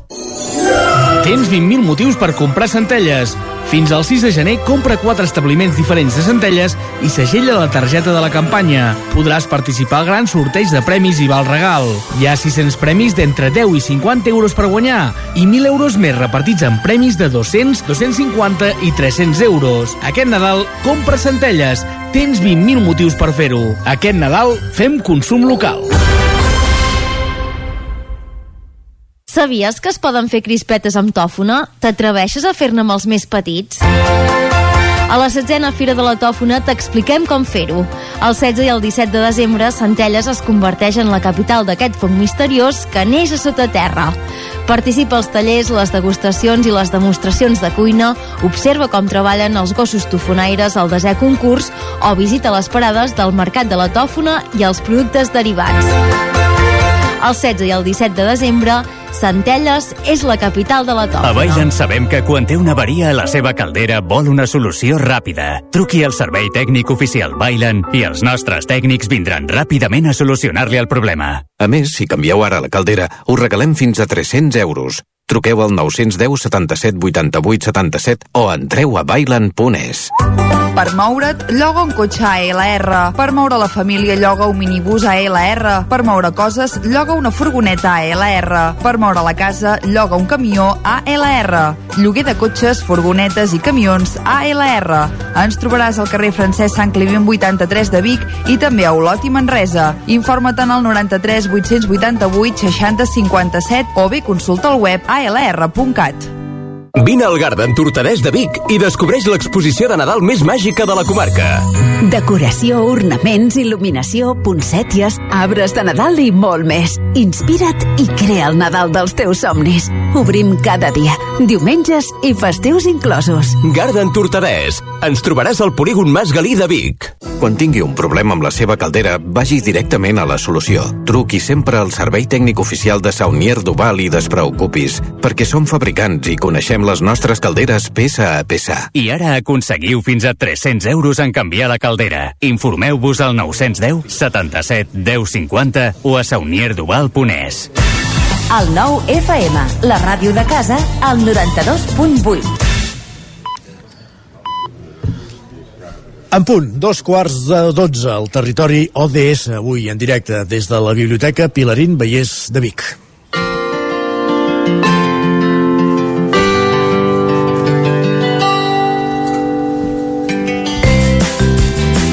Ja sona aquella sintonia que ens convida a pensar en el cap de setmana, anar al cap de setmana, de fet estem a la recta final del programa, ja ho tenim a tocar, això, nois, uh, i per anar de cap de setmana què podem fer a l'entorn del Ripollès, per exemple, Isaac Muntades, la veu de Sant Joan. Doncs mira, Isaac, podem fer moltes coses, com sempre, evidentment. Eh, Una ja l'hem explicat, per tant tampoc ens extendrem gaire, que és eh, l'Espai d'Art 60 presenta l'acte per Nadal, Torrons i, i Art, que això recordem que està dins del seu calendari d'exposicions. Hem parlat abans a l'informatiu, per tant no, no em repetiré. Uh, aquest cap de setmana ho, ho podreu veure. També uh, no ens movem de Sant Joan de les Badeses perquè aquest dissabte al Centre Cívic hi haurà una experiència immersiva història d'un viatge uh, amb auriculars sense fil. Els visitants es posaran a la pell d'una persona que fa el camí des del seu país d'origen fins a Catalunya i en aquest cas és una activitat promoguda pel Consorci de Benestar Social del Ripollès, però evidentment com que hi ha places limitades requereix una inscripció prèvia. Uh, també aquest dissabte, 16 de desembre, a les 6 de la tarda s'inaugurarà l'exposició de l'artista Jaume Geli, això també serà a Sant Joan de les Abadeses, es titula D'un cau a un palau, relat d'un treball itinerant a l'espai art de, de l'abadia. Uh, L'artista Jaume Geli doncs, explora la relació entre el paisatge i l'art en aquesta instal·lació, que es basa en la seva experiència personal caminant des del seu taller fins al lloc de l'exposició, capturant aquest viatge tant físic com artístic i utilitza doncs, diferents mitjans com a peces escrites, pintures, també un audiovisual i converteix bàsicament la, la natura en art reflectint la seva percepció personal i la transformació del seu entorn en obres eh, artístiques. Uh, aquesta exposició estarà oberta al públic fins al 3 de març de, de l'any vinent. Uh -huh. També, per exemple, tenim un taller de dol en dates assenyalades aquest divendres, 15 de desembre a les 5 de la tarda al Centre Cívic, això també doncs, a, a Sant Joan, a càrrec del psicòleg uh, de Can de Bànol, perdó, càrrec del psicòleg Roger Esteres. També no ens movem de, de Can de Bànol perquè hi ha bastanta activitat. Aquest dissabte concert de Nadal al casino amb Sophie Allen de Swinging Boys a dos quarts de 10 del vespre i també tornen les figuretes del Pessebre amb el grup Teatre Sol Solet. Recordem que aquest grup de teatre candanolenc aquest any ha complert el seu 40è eh, aniversari i representarà a la sala Diagonal i part de, a les 6 de la tarda i part de la recaptació doncs, es destinarà a, a l'ONG Palla Pupes. I per acabar res, una activitat d'avui mateix a Ripoll, el TAS benèfic va de bombolles organitzat pel Rotary Club del Ripollès de, de 7 a, a 9 del vespre en un espai excepcional per degustar vins com és l'església de Sant Pere que ja sabeu que és un espai espectacular i on s'hi fan moltes, uh, moltes activitats Per tastar vins i per fer-hi moltes altres coses. Sí, exacte. Gràcies, Isaac, Enric Rubio, Ràdio i Televisió Cardedeu, gent del cap de setmana també. Doncs em trobo gairebé com abans amb l'altre company, eh, que eh, no ens ha deixat res l'Isaac eh, per, per comentar. Anem a veure, a per la part que ens toca, comencem amb l'agenda per avui divendres, i és que a dos quarts de cinc obre portes la Fira de les Aigües per la Marató, a la biblioteca que dona el nom a la Fira. I a les 8, inici de la Fira de Nadal i del Torró Artesà a Cardedeu, i que durarà tot el cap de setmana, amb el pregó i els posteriors parlaments. I a la mateixa hora, però al cinema Esbarjo, Juniper, que la posaran avui i també demà a la mateixa hora. Dissabte de 10 a 10 a la Tèxtil Rase, Jocs de taula en família. A les 11, obertura al 35è pessebre del barri del Poble Sec, al carrer del Pi, número 44. I al Tarambana, a les 12, presentació del llibre Sinopsis de la cardedeuenca Gemma Capdevila, que us hem d'avançar que estarà en aquest programa en un dels propers lletraferits que caiguin a Ràdio Televisió de Cardedeu. Continuem Això ja serà al gener, per això, no? Sí, sí, sí, gener, gener, i tant. Continuem el dia i és que a les 5, però en aquest cas al Teatre Auditori de Cardedeu, no, on es podrà gaudir els pastorets de Cardedeu, d'aquest poble, i per acabar el dia a dos quarts de 10 del vespre a l'església de Santa Maria, el concert de Nadal. Així que res, agenda completa. Completem més l'agenda des d'Ona Codinenca, Roger. Què tal? Bé, avui des de la Biblioteca Pilarín Vallès, eh? Sí, sí, però representes una continenca, eh? Exacte, exacte, sí, home, la bandera sempre... Aquí cadascú representa una mica el seu. Va, comencem una mica el repàs com cada divendres, ho fem a Sant Feliu de Codines, on aquesta tarda fins les 8 del vespre s'hi fa el pessebre vivent a càrrec dels alumnes de l'escola FADAC. Demà dissabte, a dos quarts d'una del migdia, s'hi farà un concert de gospel per part del cor Sents Veus. Serà a la Serradora, al carrer d'Antoni Reig, número 3 de Sant Feliu, amb entrada inversa, és a dir, que es paga la voluntat. Els diners recaptats aniran, com no pot ser d'altra manera, aquest cap de setmana a la Marató de TV3. I ja diumenge s'hi farà d'una banda un concert de swing al Centre Cívic La Fonteta a les 12 del migdia amb la banda Men in Swing, que també recaptarà fons per la Marató, mentre que a la tarda el grup local de teatre de Xalles 81 farà la primera representació dels pastorets a dos quarts de set al casal Codinenc. Si marxem cap a Caldes de Montbui, avui a dos quarts de vuit del vespre s'hi fa una audició i xerrada sobre l'oratori del pessebre de Pau Casals, una activitat que s'enmarca en els actes del 50è aniversari de la mort de Casals. Serà a la sala de cuines de Can Rius i els diners que s'hi recaptin aniran per la Marató. També avui divendres es dona el tret de sortida una activitat que s'allargarà en les properes dates.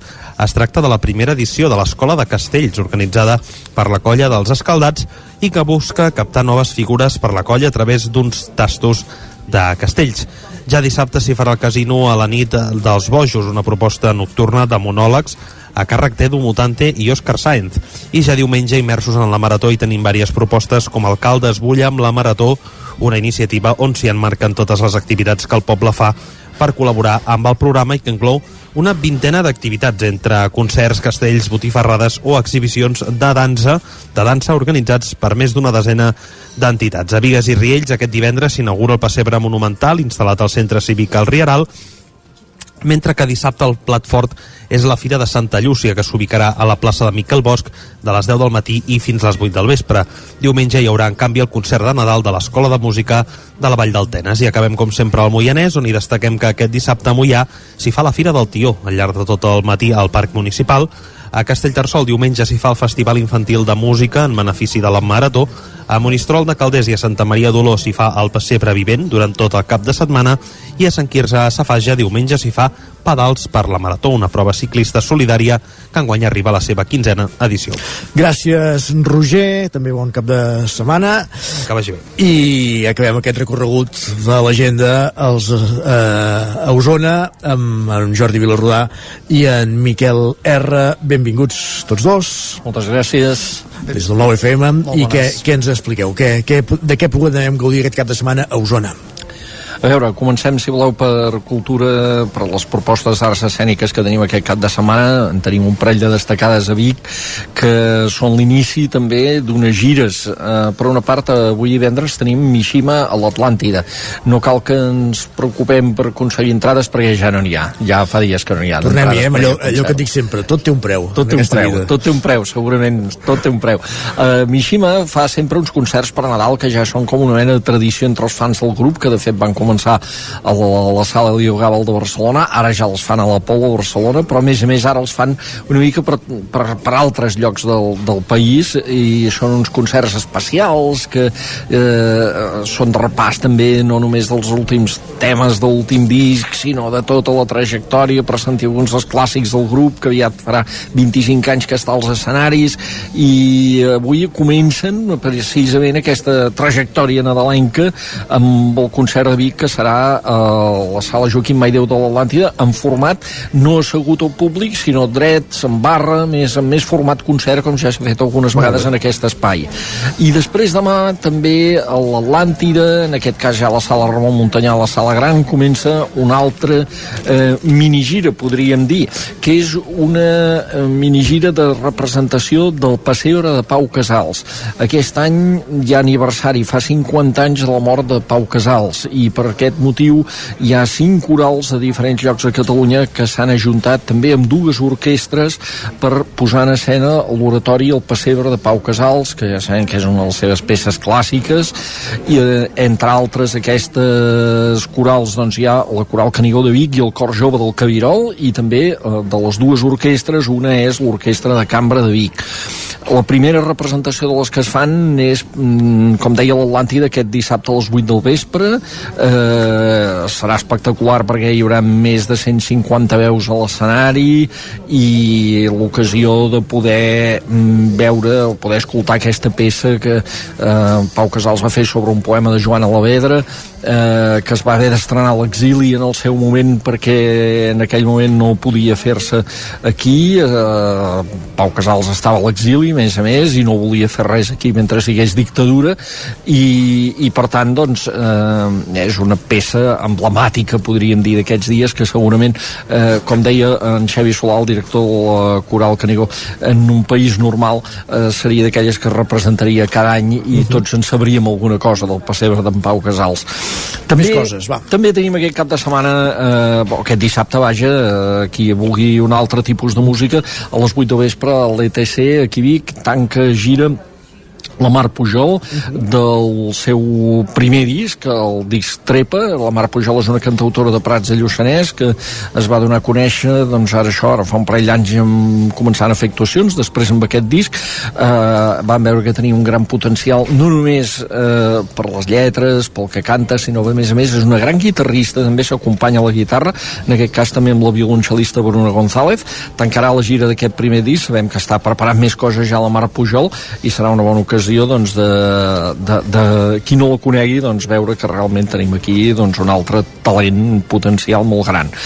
I evidentment aquests dies també hi ha concerts de Nadal tot el, tot el que comença doncs, ja que, que, que la setmana que ve n'hi haurà molts més doncs tenim concert de Nadal el diumenge a les 6 de la tarda a Torelló a l'església de Montserrat eh, concert que a més a més estarà barrejat amb la lectura del poema de Nadal d'en Sagarra, amb els cors de Roca Prevera i de la mateixa parròquia de Montserrat. Tenim el concert de Nadal del Patronat d'Estudis Osonencs amb un quintet de músics de l'OBC, de l'Orquestra Sinfònica de Barcelona Nacional de Catalunya, interpretant peces de Shostakovich el diumenge, també a les 6 de la tarda, a l'Atlàntida. I l'Orquestra Oberta de Centelles, que actua també a les 6 de la tarda al Casal Francesc Macià de Centelles, diumenge diumenge. És Déu-n'hi-do. aquesta orquestra formada per músics que no necessàriament tenen per què saber de música, aquesta orquestra inclusiva que hi pot participar tothom.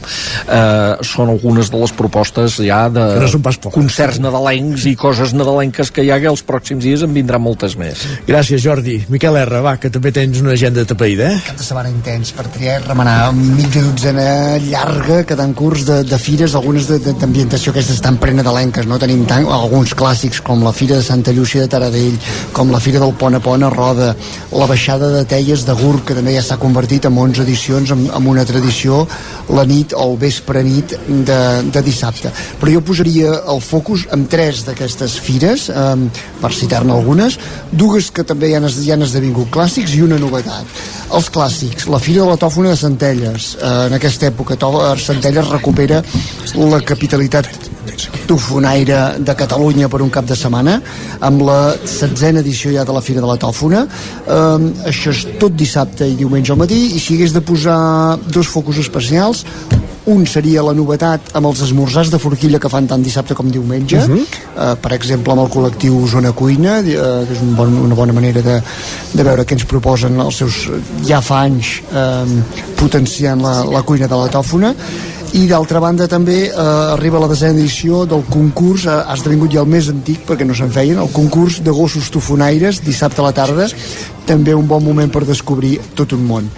Un altre clàssic, també amb només 5 edicions, la Fira Toca Fusta a Torelló, aquestes sí. fires que també eh, agafen una mica el que és l'ADN de la població, no? han vinculat amb tot el sector de la torneria, doncs eh, és reivindicar una mica el joc analògic, el joc de fusta, en un moment en què en què el món eh, audiovisual se'ns està menjant tot, tot eh, la, la capacitat de jocs de la canalla, doncs tot dissabte i diumenge al matí treure el cap amb diferents espais, diferents ubicacions i places històriques de, del centre de Torelló per deixar-se per, per, per això, deixar-se encantar amb, amb tot tipus de jocs eh, a través de, de la fusta.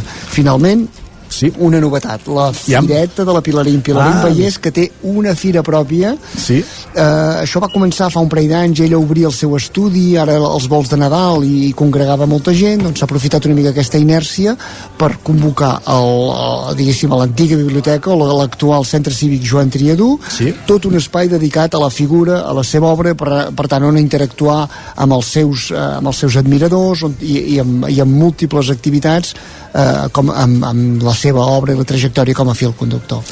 Doncs gràcies, Miquel. Eh, hem acabat parlant de la fireta de la, de la Pilarín i ara el que farem serà parlar no d'una fira, sinó d'un mercat que estarà operatiu a Vic durant tot un mes i que obre les portes avui, el Mercat Ressò.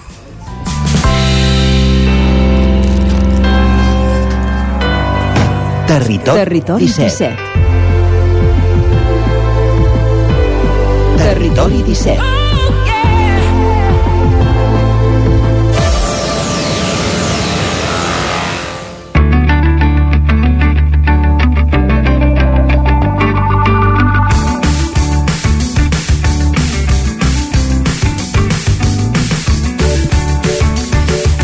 Tercera edició ressò al Mercat Social de la Reutilització se celebrarà entre el 6 de desembre i el 5 de gener a l'Orfeó de Vic. Es tracta d'un projecte innovador de consum responsable i d'economia circular que té per objectiu fer visible la reutilització com a una alternativa de consum sostenible i responsable i ajudar a la inserció sociolaboral de persones en situació o risc d'exclusió. Les cinc entitats impulsores, Associació Tapís, Fundació Areté, Associació Aixes, la Fera Ferotge i la Fundació Trueta treballen per impulsar un projecte conjunt de centre de reutilització a Osona i el ressò suposa una prova pilot en format pop-up store que es va fer per primera vegada durant les festes de Nadal de l'any passat i es va repetir aquest estiu estat distingit amb el Premi Resero, a la millor iniciativa que va promoure el Residu Zero a les entitats. Avui ens acompanyen dos representants de les entitats organitzadores, Jordi Codina, de la Fundació Arater, i Joan Redorta, de l'associació Aixes. Primer de tot, per conèixer-nos una, una mica més, ens podeu fer una breu descripció de l'activitat d'aquestes dues entitats? Hola, bon dia. Bon dia.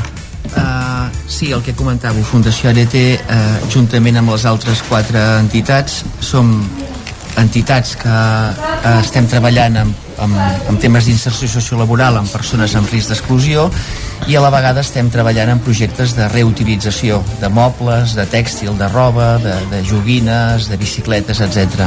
I llavors eh, vam tinguer la, la, la idea de unir-nos per fer un projecte potent de comarca amb temes de reutilització. I de que s'hi suma. I en el, I en el vostre cas? Bé, bàsicament eh, subratllar el que acaba de dir en Jordi I, tant. i també dir que, bueno, que eh, tenim, som associacions i poder aquí està la riquesa que fem unes activitats semblants però diem que eh, els objectius són diguem que els mateixos és ajudar la gent, alguns més per eh, la inserció laboral, quasi bé tots fem inserció laboral, jo crec que diria que tots, però per exemple eh, nosaltres ens dedicaríem també al tema de la gent grans, eh, les soletats, etc.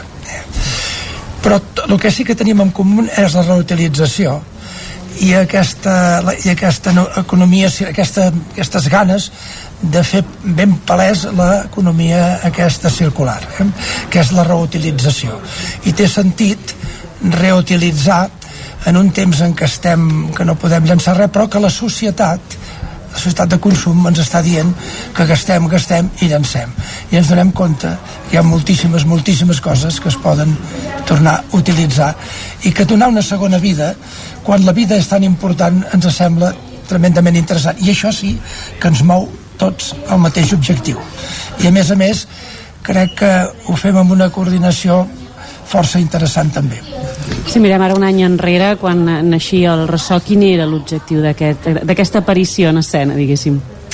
El, el naixement del projecte Ressò neix de fa un parell o tres d'anys, eh, quan un, eh, algunes de les cinc entitats comencem a treballar amb el suport de Creacció en, en el projecte i que la voluntat final era la d'impulsar un centre de reutilització, un espai comercial de la segona mà a Osona que tingués, en certa manera, mm, eh, dos punts en comú. Un, que l'impulséssim a entitats socials i que treballéssim amb, amb objectes reutilitzats de segona mà. Val? Llavors, eh, quan vam arrencar el projecte, eh, com que l'objectiu final, el, el propòsit que perseguim és de tenir un espai permanent, un gran centre comercial de la segona mà, però és un tema que haurem de... i anem caminant cap aquí, eh, vam dir doncs, per, per donar visibilitat en el projecte, per fer sensibilització, per, per donar a conèixer el projecte a la ciutadania de la comarca d'Osona, és important començar a caminar i vam decidir començar a caminar amb aquest pop-up stop, amb aquesta botiga store, aquesta botiga, aquestes botigues temporals, la primera fa un any a la Pietat, vam continuar una segona edició a la Triadú a Vic i aquesta és la tercera edició a l'Orfeó de Vic. Mm? Per tant, una mica el camí que anem construint doncs és, és aquest. Uh, va anar també que en un any, com comentàveu, se n'hauran fet tres edicions uh, perquè la segona es va fer l'estiu i ara, i ara com, com comentava més, arriba a la tercera. Què hi trobem concretament en aquest mercat, no? Aquest... Bueno, trobem el que quasi bé hem, hem intentat millorar però quasi bé el de la primera ja, eh? és des de mobles eh, objectes de cuina, roba, bicicletes eh, tot el que puguis trobar de, de material per a llar, per dir una manera. Útil, realment. Útils per a llar, sí. Això sí, reutilitzats. I llavors podria val la pena remarcar una cosa. Moltes vegades la gent, aprofitem-ho poder ara, perquè moltes vegades la gent pensa això és vell i la roba és bruta res de tot això, la roba és neta i els mobles no són vells perquè vells vol dir acabat i no utilitzable almenys ho entenc així jo. com me diuen això jo entenc que m'estan dient això eh? doncs, per tant no va per aquí. La roba és molt neta, molt utilitzable. I moltes vegades jo crec que has de comprar coses d'aquestes a més a més d'ajudar obres socials i d'inserció com deia abans en Jordi. També ajuda a crear una nova filosofia de la utilització raonable de les coses. Estem en un món complicat, ja deia abans, excessivament, mm, diguem-ne, eh, mentalitzat per llençar, gastar i llançar i llançar, i això està dient, eh, pel tanto, això encara es pot fer servir. Una feina de pedagogia, en aquest eh, cas, pedagogia. amb totes les lletres. Això s'intenta fer pedagogia sense dir que sabem més que ningú, no, no, no, sinó mostrar cada dia que és possible això, ensenyar-nos i ensenyar, si podem, que, que una altra manera d'utilitzar les coses és possible. I jo voldria dir també que hasta al final això, fins i tot, pot ser una nova moda. Oh, i tant. El res estarà obert eh, tot un mes, déu nhi mm -hmm. Uh, però més enllà del que és l'activitat comercial, uh, hi ha altres activitats potser una mica més de, de pedagogia o de foment d'aquesta manera de, de fer-ho? Sí, sempre hem volgut uh, complementar uh, l'obertura del ressò com a botiga eh, d'objectes de segona mà amb activitats lúdiques o, o culturals relacionades amb, amb, amb, amb això, amb aquesta, amb aquesta línia del consum conscient. Llavors, durant tots aquests dies d'obertura hi han diferents tallers, eh, tallers de, de recuperació de, de roba, tallers de cuina d'aprofitament, eh, tallers de reparació de bicicletes i diferents concerts. Eh? Per tant, en el programa del ressò, que està, diguéssim, a les xarxes o, o podeu trobar també en els pòsters de davant de l'Orfeo Biguetà, trobareu tota la programació fins al dia 5 de gener, que és àmplia. Uh -huh la inserció social i laboral de col·lectius amb risc d'exclusió compta a la comarca, com, com podem veure ara mateix, i amb aquests programes amb una nodrida xarxa d'entitats. Si no fos per aquestes, l'administració no arribaria a donar cobertura a tothom? És a dir, quin és el suport real no, que rebeu des de les administracions, si és que n'hi ha en aquest cas? Sí. Bueno, eh, evidentment eh, que n'hi ha, però també és veritat que si, si no hi existeixin aquestes institucions arreu de, del país i arreu del món jo crec que es desmoronarien moltes coses. Allò que diem la societat civil eh, jo crec que demostra la seva potència quan és generosa i intenta ajudar i insertar. Si no insertem si no insertem, quedarem moltes, quedaran moltes persones al camí que després això serà molt complicat de gestionar. Nosaltres, humilment, entre tots, intentem fer tot el que podem perquè això sigui, si més no, una mica més petit. I no és només aquesta tasca que, que, que fan i que feu, no? sinó és aquesta manera de visibilitzar no? uh, aquestes problemàtiques i inclús doncs, uh, aquest tipus de col·lectius. Sí. Cas. Eh, evidentment, evidentment, és clar que sí i a més a més, eh, segurament que passareu pel ressò i trobareu gent d'aquesta que està fent una tasca important de, de, de, de, de control, de, de venda, de tot plat, de gent que segurament que en un altre lloc en principi no hagueren tingut l'oportunitat. Per tant, també diríem que el ressò és generador, generador d'oportunitats, també. Segurament avui a través de, de les zones ens estan escoltant moltes persones que no havien sentit mai a parlar de, del ressò. Uh, quin missatge els enviem perquè s'apropin uh, fins aquí al llarg dels propers dies i poder visitar totes aquestes uh, tot, tot d'alguna manera el desplegament que esteu preparant Bàsicament animar-los a que ens vinguin a veure i que estem convençuts que els hi agradarà el que hi veuran eh? i podran trobar, com deia en Joan, una, una àmplia, diguéssim, varietat d'objectes, de, de productes, de reutilitzats, de segona mà, que estan en, en, en excel·lents condicions. Segurament podran trobar fins i tot algun, alguna joia, alguna peça, doncs, eh, algun moble, alguna vaixella que realment eh, per ser de segona mà no vol dir que sigui de baixa qualitat, al contrari, poden trobar joies realment, però a part d'això doncs una àmplia varietat d'objectes, és dir, que aquí animar les famílies que han de fer regals doncs que, que es mirin eh, les joguines i les bicicletes que hi han, a les famílies o les persones que vulguin fer algun regal o els interessi comprar-se alguna cosa per la llar, doncs que vinguin a visitar-nos, objectes de regal, mobles, etc etc i roba, evidentment, que hi ha una, una gran àmplia varietat de roba i que més avui amb la inauguració es farà una desfilada de moda de segona mà. Sí, sí. També cal la pena dir, si m'ho permets, és que la gent que els agrada els llibres, doncs allà s'hi poden trobar llibres que moltes vegades no trobaries en determinats puestos, perquè avui dia a vegades les tendències van per un altre cantó. Inclús descatalogats, que es troben a molts llocs així, que ja no s'editen i que poden no. trobar aquestes petites joies que ja no trobem a llibreries. I tenir un llibre i acariciar les planes també és una satisfacció important. També, i com deia en Jordi, abundant, perquè clar, hi ha tantes coses que és impossible amb aquest espai de poder-ho dir, però pots anar a trobar des d'un gerro, copes, plats, culleres, forquilles, ganivets, també tot això que és tan senzill i evidentment en bones condicions i nets I tant. Ara ens, ens comentàveu, ens parlàveu sobre famílies, eh? I a quina volia anar una miqueta? Quin, quin perfil de gent eh, hi espereu, no? Quin, famílies, parelles o més aviat potser persones que concretament venen a buscar una cosa molt, molt singular? Qui, quin públic s'hi troba? Com dèiem abans, nosaltres el, el que volem l'objectiu del ressò també és sensibilitzar la, a la ciutadania que hi ha una alternativa de consum mm, que per nosaltres és un consum responsable, un consum conscient i que, i que, i que en aquesta línia hi ha la, el consum de productes de segona mà no? per tant aquí hi cap molta gent és dir, des de gent que segurament trobarà un preu molt més econòmic en el que busca a gent que és una persona sensibilitzada amb el que seria la compra conscient a famílies que volen fer regals o volen comprar una bicicleta i no, i no, no cal que aquesta bicicleta sigui de segona mà correcte també, uh -huh. no sí. per tant el públic que esperem és un públic molt ampli eh? des de públic jove, públic conscienciat a públic que, és dir, el que volem és que ens visiti tothom Jordi eh, Codina, Joan Radorta, moltíssimes gràcies per haver-nos acompanyat avui a la Territori ODS i esperem molts èxits eh, per aquest ressò